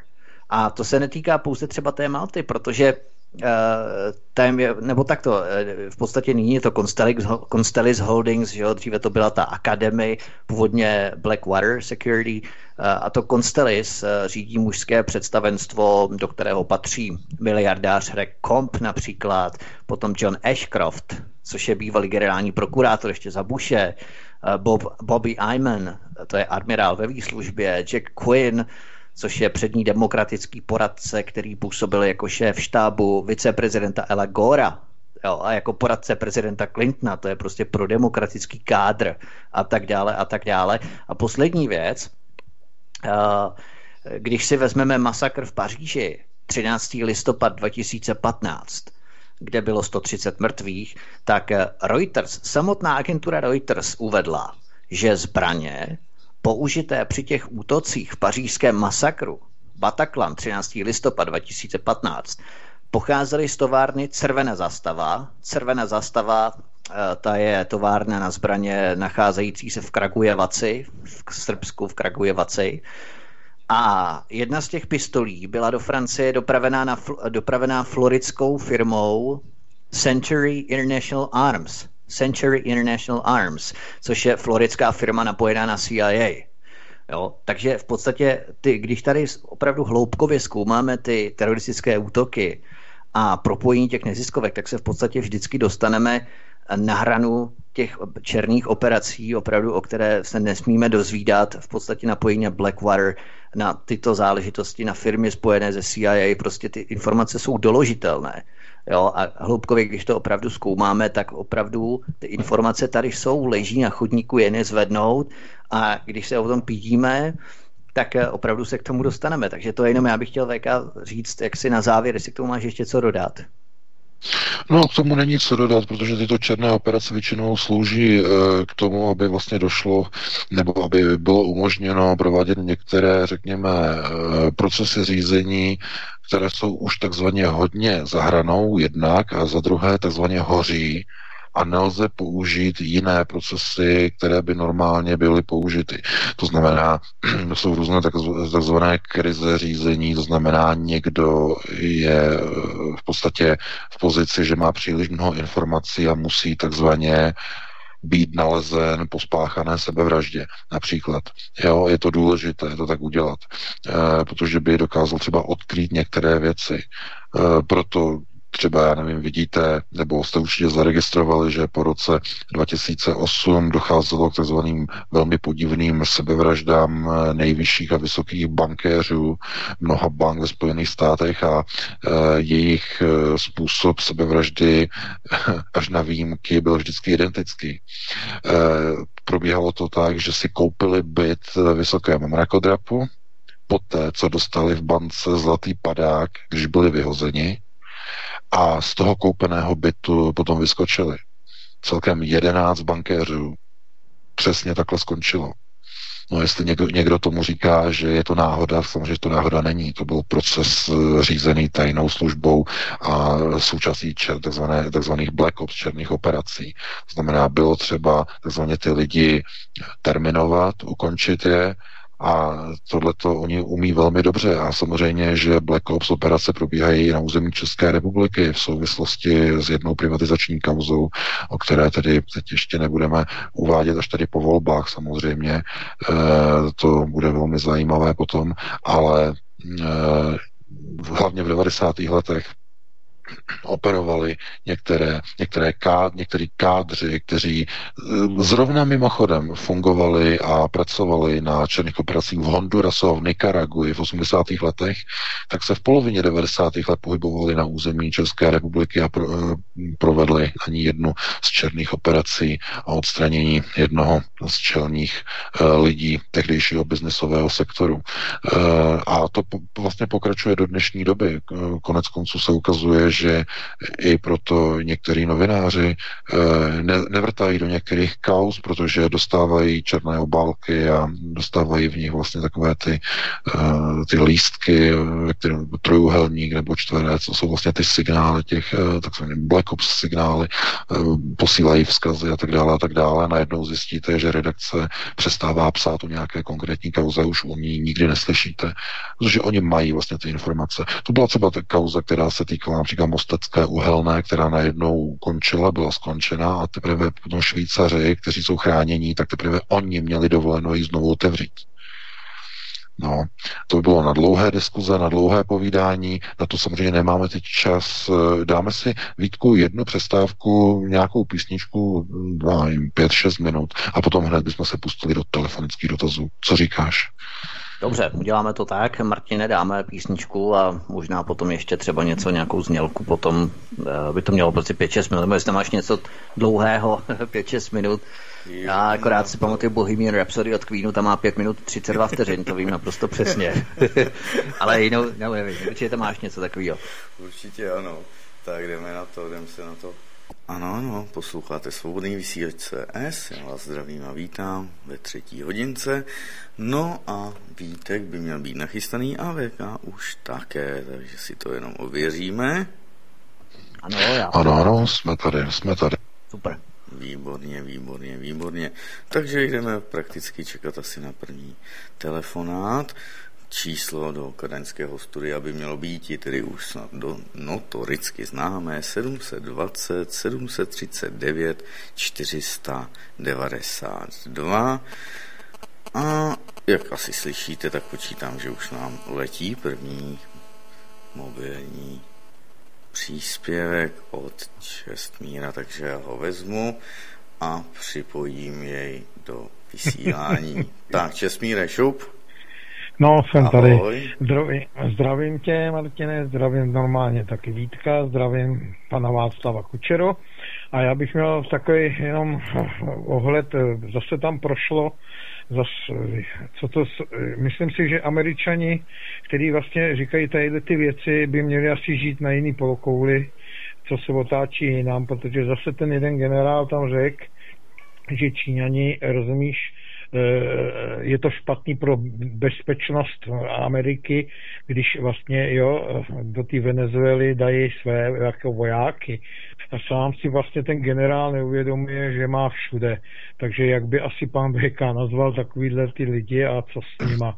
A druhá věc, já vím, že jsou to dvě otázky, eh, měli bychom zase my tady jo, napsat nebo nechat podepisovat eh, když jsou tady ukrajinští dělníci, tak jim tam podepsat, jestli teda souhlasili s tím, že byl puč, jo, protože to je ten opak, protože někdo udělá puč a pak chce, aby vlastně jo, na Krymu dodržovali normálně, jak se říká, jo, e, zákony. Tak to je všechno taky. Mm-hmm. Zdravím vás všechny. Ahoj. Dobře, děkujeme. Hezký večer. No, já děkuji za dotaz. Eh, co se týče toho výroku, tak já jsem zaregistroval, že americký generál uvedl, že uh, západní hemisféra naší planety, že spadá, to znamená obě Ameriky, severní, jižní, že spadá do amerického vlivu a že se jim nelíbí, že Rusové uh, posílají své vojáky na západní hemisféru, to znamená do Venezuely. To je ta stovka těch ruských vojáků. No a samozřejmě američané okupují celou východní hemisféru a to je v pořádku. Mají vojáky úplně po celém světě a hlavně v Evropě. A to je, mají své letadlové lodě v Černém moři, ve středozemním moři a to je v pořádku pro Američany. No to je ta licoměrnost a to je ten systém pak z Amerikána. Víte, někdo si tak jako říká, že eh, jak by vypadal svět, kdyby Adolf Hitler vyhrál válku. Tak se podívejte do Spojených států.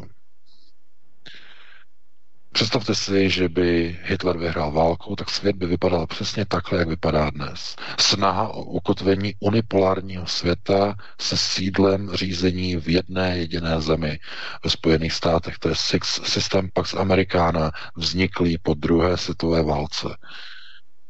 Takže kdyby Adolf Hitler vyhrál válku, takhle by vypadal dnešní svět. Akorát, že by nebyl anglofonní, ale byl by, eh, byl by takzvaně germanofonní. To znamená, mluvilo by se německy. To by byl jediný rozdíl mimochodem.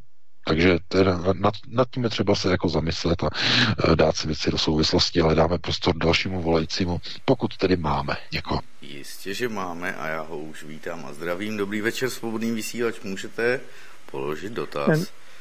Dobrý večer, u telefonu Pavel Praha, budu rovnou Geci. E, já jsem přes víkend mluvil se svojí bývalou spolužečkou o situaci ve Francii, která tam žije ohledně žlutých vest. A chtěl bych se zeptat, eh, jak eh, pan VK vidí, jak, eh, jaké bude řešení, co se týká situace žlutých vest, protože zrovna i třeba dneska ráno jsem četl článek, že tato situace je podobná situaci v roce 68, za podobné situace, kdyby byl u vlády de Gaulle, který pod tlakem ulice rozpustil parlament, uh, uh, opět uh, vyzval k volbám a tyto volby opět vyhrál, což Macron určitě tyto volby, kdyby k tomu došlo, vyhrát nemůže.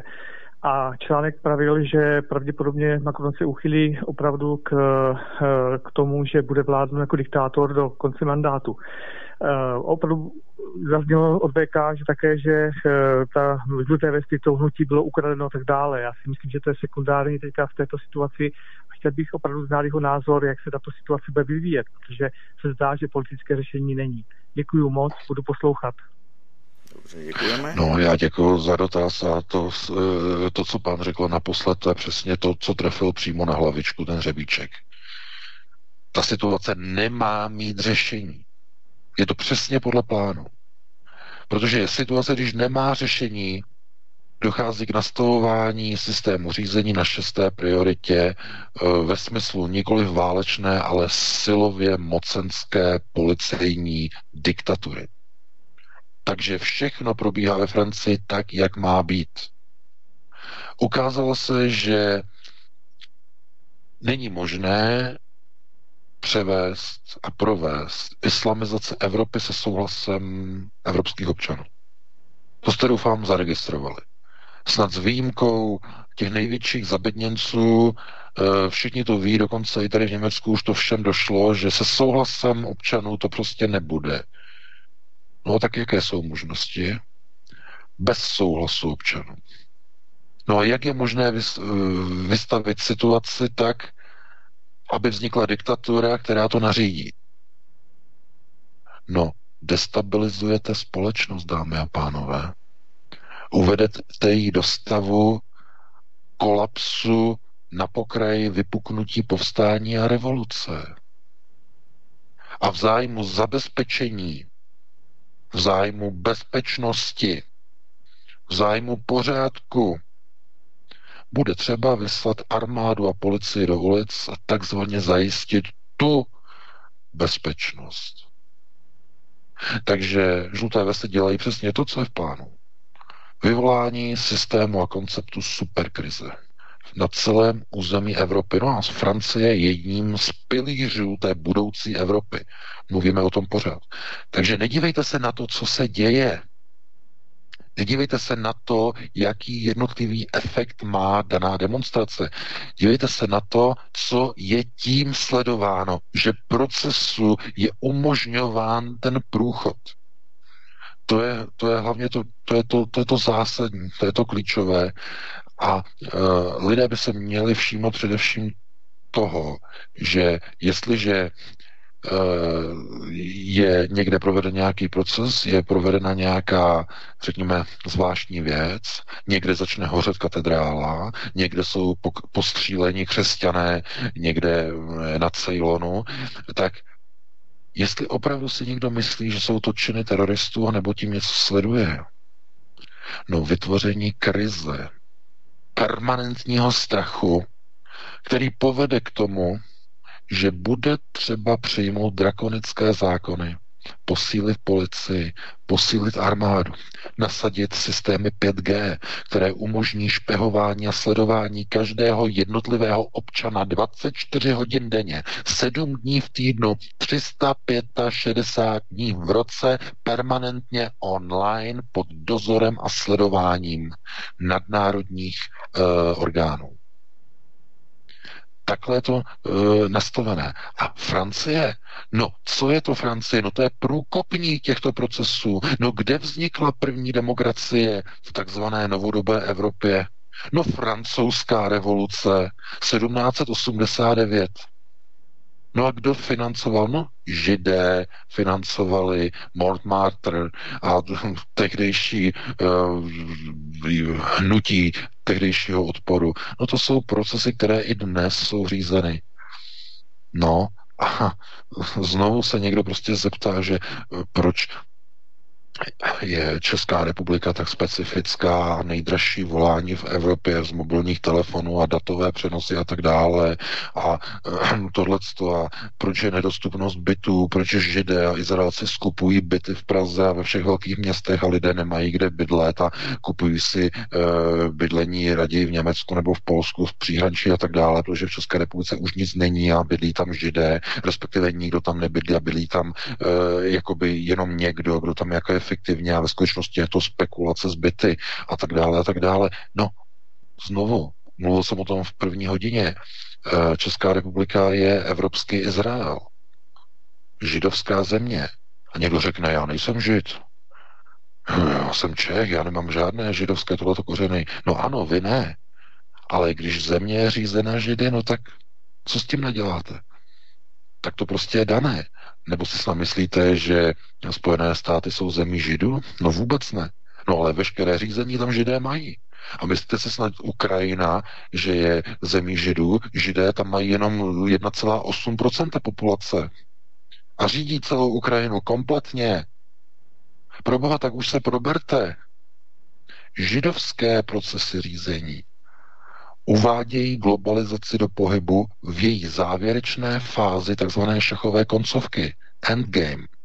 To znamená, to je moment těsně před tím, než dojde ke vzniku takzvaného světového řízení a převzetí vlády. To by bylo na dlouhou diskuzi, tohle už jsem pro zacházel do dlouhých detailů, takže dáme prostor k dalšímu volajícímu. Dobře, dobře, svobodný vysílač, zdravím vás a můžete. Dobrý večer, tady MK, já mám takový hloupý dotaz mě inspiroval ten eh, videoklip skupiny Rammstein a napadla mi taková velice hloupá otázka, čistě hypotetická a určitě mimo mísu. Co kdyby globalisté, liberalisté unesli v eh, osobnosti Adolfa Hitlera národní hnutí, to ovládli, eh, ho v rámci druhé světové války, v rámci jejich řízení, aby se o něm nesmělo mluvit a vždycky mělo černou nálepku, a tím vlastně eliminovali jediný eh, proces vyhnutí se té udici. Jestli vlastně Adolf Hitler nebyl agentem globalistů v uvozovkách, taková jako bláznivá myšlenka, sloužící k procesnímu řízení, protože je to nálepkování fašismus, nacismus a podobně, což v podstatě přikrylo korporát fašismus, jim nahrálo na ten proces řízení národů, protože národ nesmí být nacionalistický, patriotistický a vlastenecký. Jenom díky tutomu byči je to třeba vidět na tom sebe mrskectví Němců, že byli prostě zneužiti, vyhlazena generace mužů a návoz těch migrantů. Jestli to nebyl jeden z procesních uh, úkolů řízení, že se vytvořila velká oběť, a vlastně eh, tím, eh, tím kdo ovládá ty cíle, které směřují k tomu ne NVO. Děkuju, budu poslouchat. Dobře, děkujeme. No, já děkuji za dotaz. Já myslím, že tohle je známá věc, o které už jsme několikrát hovořili. Uh, on koncept globalistů uh, Hitler, samozřejmě jak se dostal k moci, no, bylo to za pomoci tehdejších největších průmyslníků Německa, uh, především krupových závodů, Eh, kteří, no, konec konců, grupové závody, eh, její hlavním cílem bylo obnovení zbrojení Německa. Protože po Versajské smlouvě eh, Německo nesmělo zbrojit, bylo pod sankcemi, muselo platit obrovské reparace a tak dále, a tak dále. Zbrojaři chtěli dosadit tady v Německu politika, který odstoupí od Versaje, který znovu obsadí Poríní, průmyslové podniky bývalé německé tehdy pod francouzskou okupací a zahájí zbrojní výrobu. No a Krupovy závody byly akciově řízeny londýnským Rothschildem. Kompletně od zhora až dolů. Takže zájem na zbrojení a na válce měl dům Rothschild. No a ten sleduje co? No, obsazení Ruska. Proto ano, pan se ptá na globalizaci, a protože sionisté a dům Rothschild je jedním z hlavních domů světového sionismu, to znamená globalistického kotvení, tak můžeme říct, že Adolf Hitler byl součástí globalistického plánu tehdejšího řízení předválečného ve 30. letech. Můžeme to takhle říct. Každopádně by tam byly některé, některé nuance, které by se musely trochu více ještě vysvětlit, ale ano, obecně se to dá takhle přímo, takhle přímo se to dá nazvat. Takže ano. Děkuji. Naschledanou. Děkujeme, naschle. No, taky, taky, taky. Pěkný večer přejeme. Martine, prosím, možná, aby se dovolili další posluchači, tak to potom zavěs, zavěsme, jo, po znesení toho dotazu. Jasně, jasně. Protože tady zase nikoho nemáme, že jo. Teď číháme, ale on se hned někdo ozve. Samozřejmě souvisí to i přesně s těmi bankami, které vyzbrojovali a obchodovali s Hitlerem. Je na to i dokumentární film, že ano, kdo obchodoval s Hitlerem, tak se na to lidé mohou kouknout, které banky to byly světové, ať už to je BNP Paribas, její dcera, Westminster a mnohé, mnohé, mnohé další. Takže nic není skryto, dámy a pánové, všechno můžete vidět, slyšet a zase porovnávat sami. Tak. Já se tedy kouknu na to, co tady ještě máme, protože tady byl ještě nějaký dotaz, hele, tak žádný dotaz nebude, už budeme rovnou přijímat telefon. Tak, rovnou jdeme na to, svobodný vysílač, dobrý večer. Eh, tady eh, zdravím, já mám dotaz. Teď eh, proběhlo tiskem, že premiér Slovenska Pellegrini má být Eh, do, mají do Bílého domu a má mít nějakým způsobem eh, u Krbum být focen a tak, jestli pan VK něco o tom ví, nebo co si o tom myslí respektive. Děkuji. Dobře, děkujeme. No, já děkuji za dotaz. Já jsem zaregistroval, že uh, slovenský premiér má uh, přijet za Donaldem Trumpem, má přijet na návštěvu a zároveň jsem zaregistroval, že i snad by měl přivést do Spojených států pozvání pro Donald, Donalda Trumpa na návštěvu Slovenska u příležitosti oslav eh, slovenského národního povstání eh, koncem, koncem srpna, začátkem září, tam někde v tom prostoru.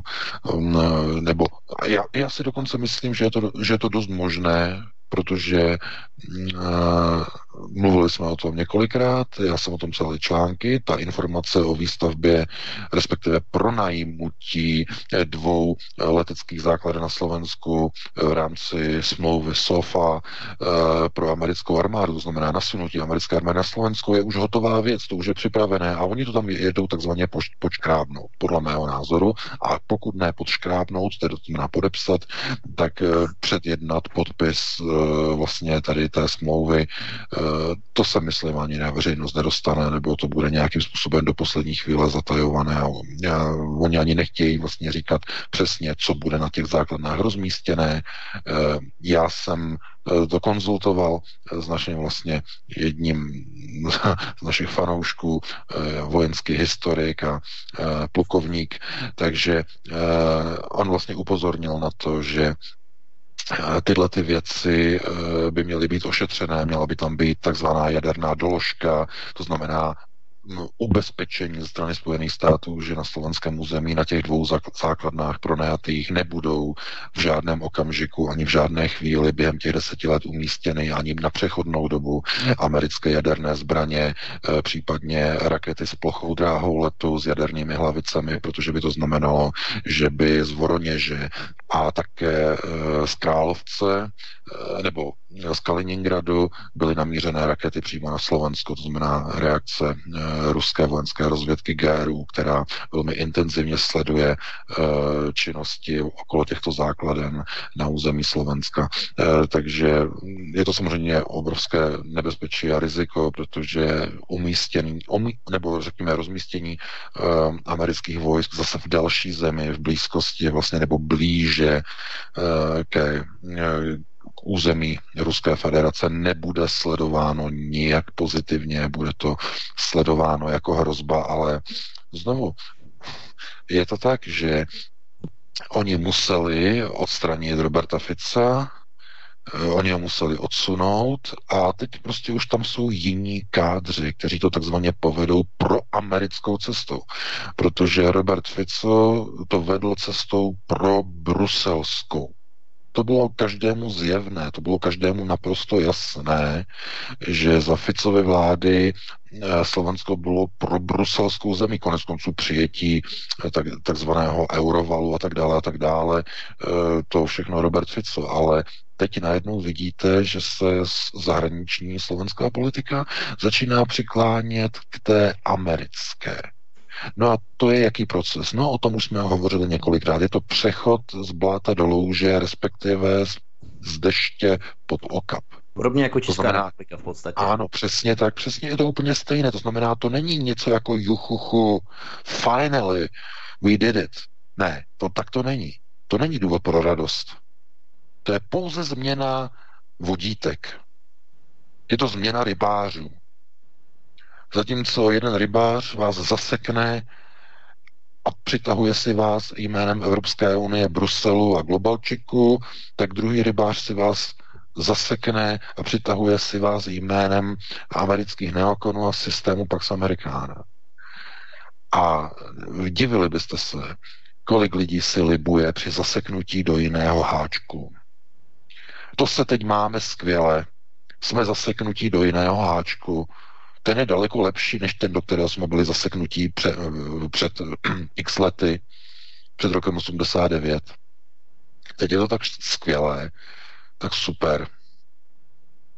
No, samozřejmě to myšleno ironicky, ale bohužel takhle vlastně fungují procesy, to znamená, nejsou kádry, myslím pro národní, no a důsledkem toho jsou procesy, že všichni ostatní potom přebírají takzvané, takzvané externí řízení. To znamená, země nemá vlastní vnitřní řízení, ale je řízena zvnější, z, zvenku. To znamená externí řízení buď z Bruselu, buď z Berlína, nebo z Washingtonu. Dálkové remote control, dálkové ovládání. Takže bohužel, ale to je jenom konstatování situace samozřejmě. Dáme prostor tedy dalšímu volajícímu, pokud máme teda někoho. Máme, ještě vydržel na telefonu, tak, svobodný vysílač. Ano, ano, dobrý večer, můžete? Může? Dobrý večer, pozdravujem zo Slovenska. Mám dotaz. U nás je, bola informácia, že Facebook zrušil účty vrátanie Alexa Jonesa. Chcela by som sa opýtať, čo to znamená? Prosto pre to vysielanie ďalšie. Mm-hmm. Já děkuji. No, za dotaz. Já bych tomu chtěl říct, že Alex Jones, uh, jemu zrušili nejenom Facebookový účet, ale jemu zrušili Twitterový účet, uh, zrušili mu účet na YouTube, na všech vlastně tady těch hlavních platformách, které vůbec existují. A no samozřejmě, no, protože on přináší informace, které jsou silně nonkonformní, abych tak řekl. On má hodně lidí mezi insidery, vytahuje věci, které jsou nepohodlné, no a především provádí tyto operace proti e, takzvanému americkému deep state, který kontroluje procesy ve Spojených státech. No a proto se ho snaží zbavit, takže hm, to mě vůbec nepřekvapuje. Dáme ale prostor dalšímu volajícímu, pokud tedy máme. Máme a mělo by to být snad z Kalifornie, takže dobrý večer, svobodný vysílač. Můžete? Dobrý večer, posluchačka z Arizony. Počujete ma? Ano, ano. Dobrý večer, pozdravujem všetkých. Ja by som sa chcela spýtať pana Beka, kam miznie všetká voda e, zo sveta. Všade, každý štát má menej a menej vody. Kam sa tá voda, kde, sa, kde, kde tá voda ide? Mm-hmm, děkuji, děkuji. No, to je pěkná, dobrá otázka. Eh, no tak voda samozřejmě, kde se nachází, je v oceánech. Eh, to je takový ten základ, co třeba vysvětlit, že veškerá voda se nachází v oceánech a to, čemu my říkáme de facto pitná voda, tak jsou dešťové srážky, které spadnou z nebe, vsáknou se do vody, eh, teda vsáknou se do země, do spodních vod a z těchto spodních vod potom takzvaně e, čerpáme vodu, to znamená z těch studní, z jednotlivých, z jednotlivých vodojemů a tak dále a tak dále. Takto. Někdo si třeba myslí a řekne si, to znamená, že někde prostě příští voda, někde ně, začíná nějaká velká evropská řeka, která pramení, já nevím, Vltava, tam někde na Šumavě, nebo Labe, tamhle, e, jako e, že kde ta voda se bere. No tak samozřejmě ta voda vlastně vyvěrá z velké hloubky a to vyvěrání je vlastně způsobené fyzikálně, protože tam vzniká velký tlak. Pod tou vodou, pod tou hladinou se Eh, dochází vlastně k ohřevu půdy, eh, teda řekněme těch nižších ložisek a ta voda je vytlačována směrem nahoru, protože se rozpíná. Během cesty nahoru se ochladí, eh, pokud je ta cesta krátká, tak se nestačí ochladit a voda vyvěrá jako horké vzřídlo. Ale to je jenom někde, že vidíte tzv. horká vzřídla. Ve většině případů tzv. té pramenité vody, ta vyvěrá z velkých hloubek a při té cestě nahoru pod tlakem se ochlazuje, takže vytéká a vzniká řeka a tak dále. Jenže do té hloubky se dostává dlouholetým procesem neustálého klesání té vody po jednotlivých dešťových srážkách směrem dolů. Trvá to dokonce několik desítek let, než ta voda se zrecykluje, dostane se z povrchu do těch obrovských hloubek někde okolo jednoho kilometru a potom se dostane zpátky nahoru. Takže to je dlouhodobý proces. No a aby tenhle ten koloběh nebyl zastaven, tak je třeba, aby pršelo pravidelně. A nedostatek vody ten, který vlastně jakoby registrovaný v, ve střední Evropě, v České republice, zejména na Jižní Moravě a tak dále, tak je způsobený více faktory. Především tím, že vody, které vlastně eh, jsou takzvaně povrchové, to znamená řeky, tak jsou tvořeny mnoha přítoky. A jednotlivé přítoky jsou slabší a slabší. Proto i vody je méně a méně.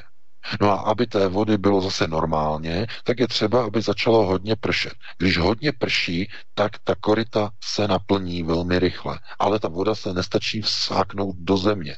To znamená, ideální případ by byl, kdyby pršelo málo, ale pravidelně. To je důležité. Bohužel eh, s tím, jak eh, dochází vlastně ke změně klimatu v celé střední Evropě, zatímco na jiných místech planety uh, přicházejí prudké liáky, které tam nikdo desítky let nepamatuje, tak uh, vlastně vzniká situace, kdy není voda a ta voda, která uh, v podstatě je někde v té hloubce, tak uh, se prostě na povrch nedostane. Takže tohle je ten problém, kdy uh, vlastně jakoby krátkodobý proces nedostatku vody se může okopírovat do dlouhodobých procesů dlouhodobého nedostatku vody. E, někdo třeba řekne, že teď e, je málo vody v České republice, ale však ruku na srdce, to není problém, mm, řekněme, já nevím, několika posledních let. V České republice podprůměrně prší už velmi, velmi dlouho. A nejenom v České republice, v celé střední Evropě. Takže eh, tohleto eh, je komplexní téma, no a voda samozřejmě, jakým způsobem se dostane eh, do jednotlivých suchozemských oblastí, to znamená někde ve střední Evropě, tak je to samozřejmě jenom jednou jedinou cestou. Vzduchem z oblaku. No a pozor, pokud někdo úmyslně ta oblaka rozpouští takzvaným chemtrailováním, aby nepršelo, tak tím de facto vyvolává co? Kontrolní otázka vyvolává krizi. No a jsme zase znova u toho. Jak nejlépe řídit lidi, když eh, je potřeba je k něčemu přinutit, aby byli poslušní, no tak jim vezmete vodu samozřejmě. Budete je kontrolovat, budete jim dávat příspěvky na hloubkové vrty, budete jim rozvážet vodu, no a máte hned okamžitě jejich poslušnost. Co je proces řízení samozřejmě. Když lidem seberete vodu, děláte nedostatek, vyvoláte krizi. No. Eh, a my jsme o tom hovořili několikrát, že z jakého důvodu se eh, chemtrailuje eh, radiační záření ze slunce, především snaha o takzvané ochlazování planety, aby nepronikalo tvrdé záření na povrch, takže se používají částice oxidy stříbra, kobaltu, kadmy a tak dále. Se to rozprašuje ve vysokých vrstvách atmosféry, aby docházelo, docházelo k odrazu určitého část, určité části slunečního záření záření od vyšších vrstev atmosféry ven, pryč do vesmíru a tak dále. Jenže to má zasa, samozřejmě e, chemické konotace, že co jde směrem nahoru, jednoho dne musí dolů. A to no, jsou jedovaté hovor, jo? Já vím, já to jenom se snažím vysvětlit, takže my jsme o tom hovořili několikrát, ale je to třeba vysvětlit, že to je komplexní téma. Říct, že není voda, je způsobené tím, že méně prší a méně prší kvůli tomu, protože se provádí chemtrailing. A chemtrailing je nástroj globálního řízení na řízení počasí. S jakým cílem? No, zase udržet určitou, řekněme, životoschopnost bílé populace jako pracovní rasy, protože ta bude nejvíce náchylná na takzvané kožní choroby a na rakoviny a tak dále a tak dále. To je komplexní téma, o kterém jsme několika hovořili, bude, eh, nebo bylo o tom i vlastně v té mé první knize, bude o tom něco i v té nové knize, které pořád ještě nemůžu k finalizaci se dostat. Lidé pořád píšou, já mám tak málo času, že někdy už se už to vůbec ani nevidím, kdy co mám dřív dělat. Takže eh, já takhle bych to uzavřel a doufám, že paní bude spokojená, aspoň takhle teda, že si něco vybere z té mojí odpovědi, protože já vím, že to je chaotické, ale je to tak komplexní téma, že se to nedá ve dvou nebo třech minutách krátce vysvětlit celé. Takže dáme prostor dalšímu volajícímu. Mm-hmm. Takže já teď vyzvu, protože volající nevydržel a dáme tedy prostor dalším a dalším a dalším a jak tak slyším, tak už něco nám tady éterem proudí. Tak, svobodný vysílač, dobrý večer. Dobrý večer, Krištof z Prahy. Já vám přeju všem krásný večer. Já bych měl na pana Věka eh, takový dotaz, jak se, jaký je jeho názor, nebo jaký je váš názor, pane Věka, na Kotlebovou slovenskou stranu. Myslíte si, že to je eh, alternativa pro Slovensko? Děkuju. No, já děkuji za váš dotaz. E, no tak vzhledem k tomu, že se snaží zrušit, já teď nevím, Vítko, jak je to daleko, tam totiž bylo nějaké, nějaké soudní řízení, jestli o tom máš víc informací. Oni se snaží zrušit a rozpustit Kotlebovou stranu. Lidová strana, Národní strana, nebo LSNS, nebo tak nějak se to jmenuje, já teď nevím Lidová, Lidová strana naše Slovensko. A, a soud a, rozhodl, že nic založení strany a to, co mají jakoby ve svém programu, neodporuje ničemu, takže pokud já vím, a, tak takže, aktuálně pokračují dál. Takže. Dobře, takže, takže, takže to dopadlo dobře. Já si myslím, já si myslím, že uh, strana, která prosazuje takovou politiku jako pan Kotleba, klidně ji můžete nazývat alternativní, protože žádnou takovou jinou asi alter, uh, alternativně národní asi těžko někde můžete hledat. Já nevím, já si nejsem vědom toho, a teď mi když tak opravte, protože opravdu nemám o e, straně pana Kotleby naprosto žádný přehled. Teď mluvím jenom z nějakých pocitů a informací, které chytám z různých zdrojů a tak dále a tak dále. Ale já mám pocit, že oni nemají žádné zednáře ve své straně. Ani na kandidátkách. Nemají tam žádné rotariány. Nemají tam žádné členy různých židovských organizací nemají tam žádné, e, žádná systémová napojení na Izrael. No tak to sakra někomu vadí. Protože nebude dovoleno usednou na stolec moci tomu, kdo není pod čepce nebo pod zástěrou. A tohle se týká všech politických stran. Takže znovu já říkám, já nemám ty informace, jestli opravdu to tak je, anebo tam mají někoho, kdo se snaží infiltrovat LSNS, já fakt nevím, ale věřím, že kdyby tam někoho takového měli, že už by to bylo venku že by se o tom hovořilo.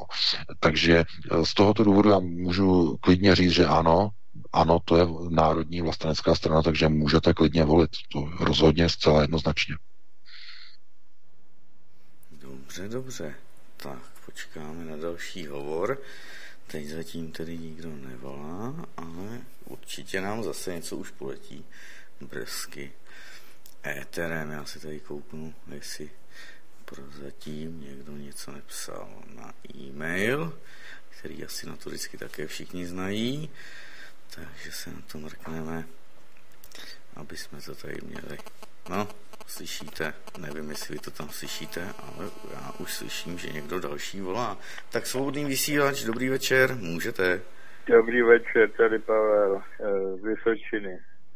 Eh, já jsem chtěl jenom takovou věc, eh, bavíme se o židech a tohle. Merklová třeba je po matce židovka. Jo? Plán židů zaplavit Evropu migranty a pak eh, jako eh, likvidovat bílou rasu. Podle mě to připomíná Bartolomějskou noc, protože pro ně dodávají zbraně a nás to odzbrojí. Takže si myslím, že tímhle tím způsobem to bude asi proveden. A když sledujete naši vnitřní scénu, tak třeba Klaus, Havel, Kraus, Bartoška, Halík, všichni jsou židi a snaží se to jako rozeštvat tady.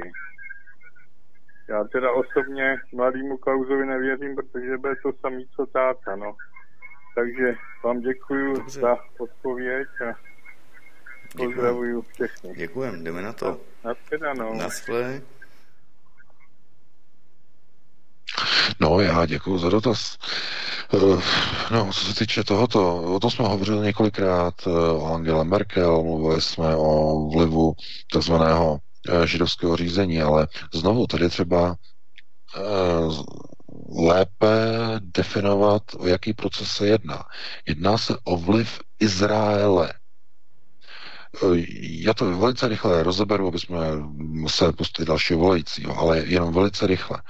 Když se podíváte na všechny takzvané, řekněme, židovské politiky, ať už mají plný židovský původ po matce, to znamená, eh, po matce je čistý židovský původ, po otci je pouze, eh, oni říkají půlčíci, a takže, ale to je jedno, to na tom nezáleží. Každopádně, eh, všimněte si, že se teď všude skloňuje jenom Jeruzalém. Jeruzalém sem, Jeruzalém tam jako kdyby na Jeruzalému stálo úplně všechno. No, pro ně ano. Pro ně samozřejmě. Protože jak, eh, řekněme, etnič, etničtí, eh, to znamená židé s velkým Ž, tak i, chas, tak i chazaři, to znamená, kteří nejsou úplně takzvaně čistí etničtí židé, chazariát, sionisté, můžete říkat takhle obecně, tak Oni všichni vidí Izrael jako bránu ke svým plánům. Bránu, kterou chtějí realizovat. No a e, těch plánů je několik. To znamená, na začátku je ukotvení velkého Izraele. Druhým krokem je postavení třetího chrámu. Třetím krokem je válka Izraele proti nepřátelům světového, takzvaných světových židů nebo židovského národa, tak jak si to vezmete. No a na konci tím čtvrtým krokem je poté, co válka skončí a země e, Izrael, země židů bude zničena, tak Bůh udělí e, židovskému národu vládu nad celým světem. Ale když se podíváte na tu chronologii, tak ona neprobíhá krok za krokem, ale probíhá, všechny ty čtyři kroky, o kterých teď hovoříme, probíhají vedle sebe, paralelně. To znamená, vidíte, že vzniká velký Izrael. Kdo tomu přispěl? Donald Trump. E, přiznal a uznal Golany jako součást, integrální součást Izraele. Uznal e, Jeruzalém jako hlavní město Izraele. Opět Donald Trump. Eh, jeho mírový plán nepočítá s Palestinou jako samostatnou zemí, ale pouze s Palestinou jako součástí uh, jakéhosi autonomního celku uvnitř Velkého Izraele. To znamená, plán Velkého Izraele je právě teď realizován. Uh, další věc, možná se zaregistrovali, že se chystá stavba třetího chrámu. Už vznikla organizace, sbírka, je to připravené, teď to probíhá. No a válka? Válka proti Izraeli, no ta probíhá přece už také teď. A kdo, kdo ji řídí? No sionisté, kteří chtějí právě toto proroctví Talmudu naplnit, že Izrael bude zničen. No a kdo nechce dopustit zničení Izraele a kdo nechce e, dopustit zničení Jeruzaléma, no to jsou etničtí židé.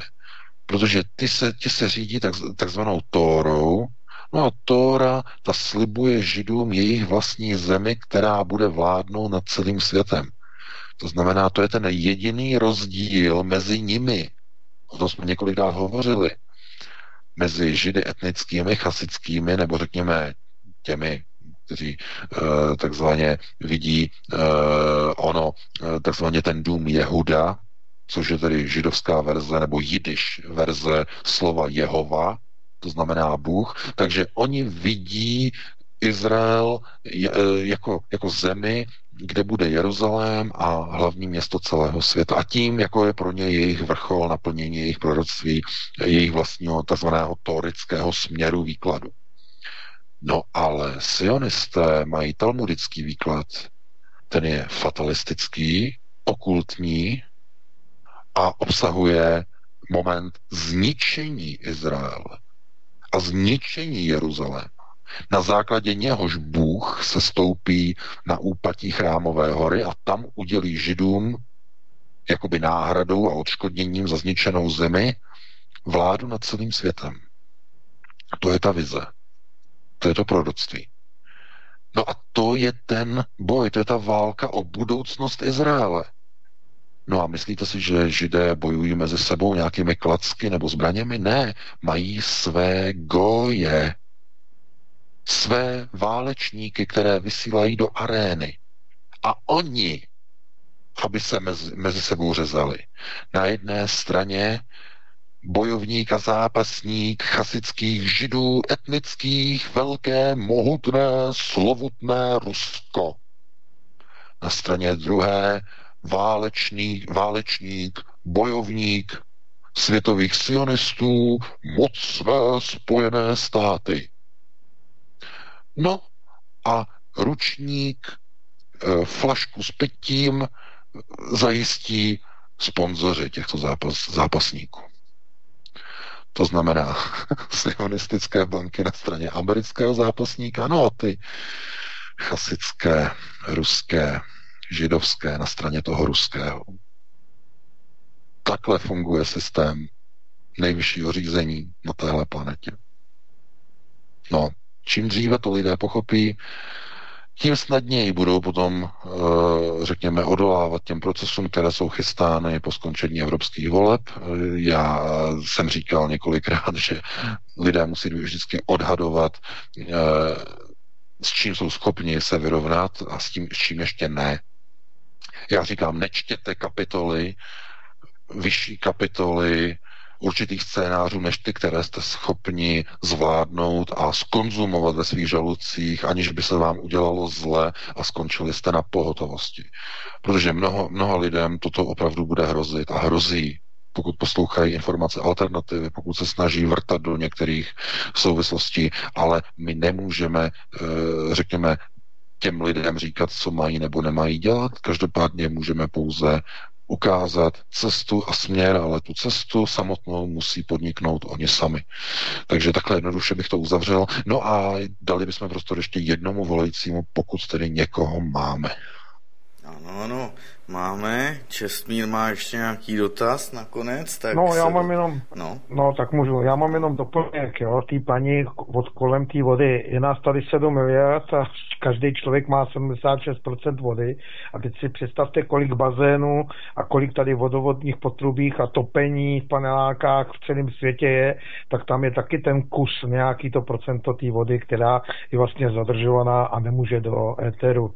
To je tak všechno, já pak panu VK napíšu ještě, jak se říká, do jeho okolo těch židech, protože mi to tam furt nesouhlasí s tím, že ve válce, jo, jako v Rusku teda eh, položil životy tolik a tolik, kolik to asi bylo židů, jo, protože vlastně najednou vidíte, že židi, jo, řekneme, že jich zemřelo 5 milionů v koncentrákách, jak říkají, ale to stejně zase byli to Rusové a jak to, že teda ze slovanského území, jo, to znamená Rusy, jo, Poláci a tadyhle ty věci, co tam byly, tak jak to, že ze slovanského území máme tolik Židů tam, jo, to vypadá jako kdyby vlastně, jo, Židi byli vlastně z té slovanské e, oblasti vlastně takhle e, ven, protože když to vemete, jak to tam pan VK přesně odpověděl, i ten Izrael, když říkal, tak se tam přistěhovali ruští židi a další a další a další, teda tady ty. To je tak všechno, ale já už je ten konec, aby jsme to nepřekročili. A děkuji teda, pěkně to vysvětlil panu Váka a zdravím ho. Dobře. pak zbytek víkendu. Ahoj. Měj se krásně. Tak. No, já děkuji za tady to zhodnocení. Já bych to řekl, že eh, ne nadarmo je řekněme Česká republika, eh, řekněme druhým Jeruzalémem, protože historicky a souvislostně eh, byly české země centrem tehdejší největší světové židovské diaspory. Největší v celé Evropě.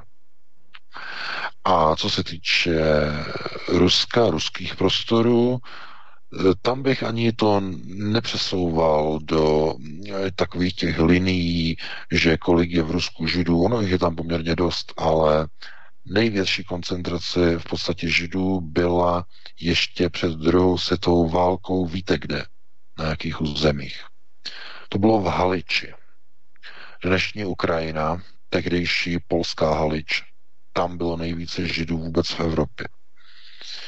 Eh, Postarali se o ně Poláci, samozřejmě. No a Izrael na to dneska upozorňuje. Možná jste si všimli té roztržky mezi Varšavou a, a Izraelem, eh, že Izrael vyzval, aby vlastně se Polsko omluvilo za to, že likvidovalo eh, polské židy za druhé světové války. A Polsko na to reagovalo velmi ostře, ale ona je to pravda. to, co prováděli Poláci na Haliči, eh, to by bylo na jinou diskuzi. Takže eh, ono, víte, historie je od toho, aby byla vypravována vítězem. Ten, který vyhrál válku. A to přepisování historie běží na plné pecky, na plné obrátky. To znamená, že některé informace budou vymazávány, budou retušovány a jiné nepravdivé budou vkládány do školních učebnic. Už to začíná dokonce v České republice přepisování učebnic, takzvaný ruský vliv na školní učebnice v České republice, to jsme řešili nedávno, a tak dále, tak dále. A to je začátek. Ten proces je nastartovaný. Oni nechtějí, aby se o těchto věcech hovořilo. No, ale můžeme zatím tady o tom hovořit tady na svobodném vysílači CS minimálně každý pátek od 19. hodiny. Takže já bych se rozloučil, máme 22.01, rozloučím se s tebou Vítku i s tebou Martine a s vámi posluchači se uslyšíme opět příští pátek po 19. hodině a opět probereme aktuální témata eh, z domova i ze světa. Takže do té doby krás, eh, se vám přeji krásnou dobrou noc, Eh, přeji vám pěkný víkend, no a pokud si najdete čas příští pátek, tak se opět budu těšit na slyšenou. Takže krásnou dobrou noc. A ti taky zdravím VK, měj se krásně, přeju ti taky hezký víkend, počin si. Příští pátek jsme to opět po 19. hodině s novými čerstvými informacemi, které se udějí, odehrají tento i příští týden. A já, Martine, jaký děkuji za vysílání, poprosím tě samozřejmě i o pořad. Eh, já to potom se šmikám, hodím to do archivu a ano, přeju vám, milí posluchači, taky hezký víkend a příště jsme tu opět zpátky s našimi pořady. Takže hezký večer, případně dobrou noc. Tak, tak, tak. Mějte se krásně naslyšenou a už jenom děkovačka a můžeme předávat dále.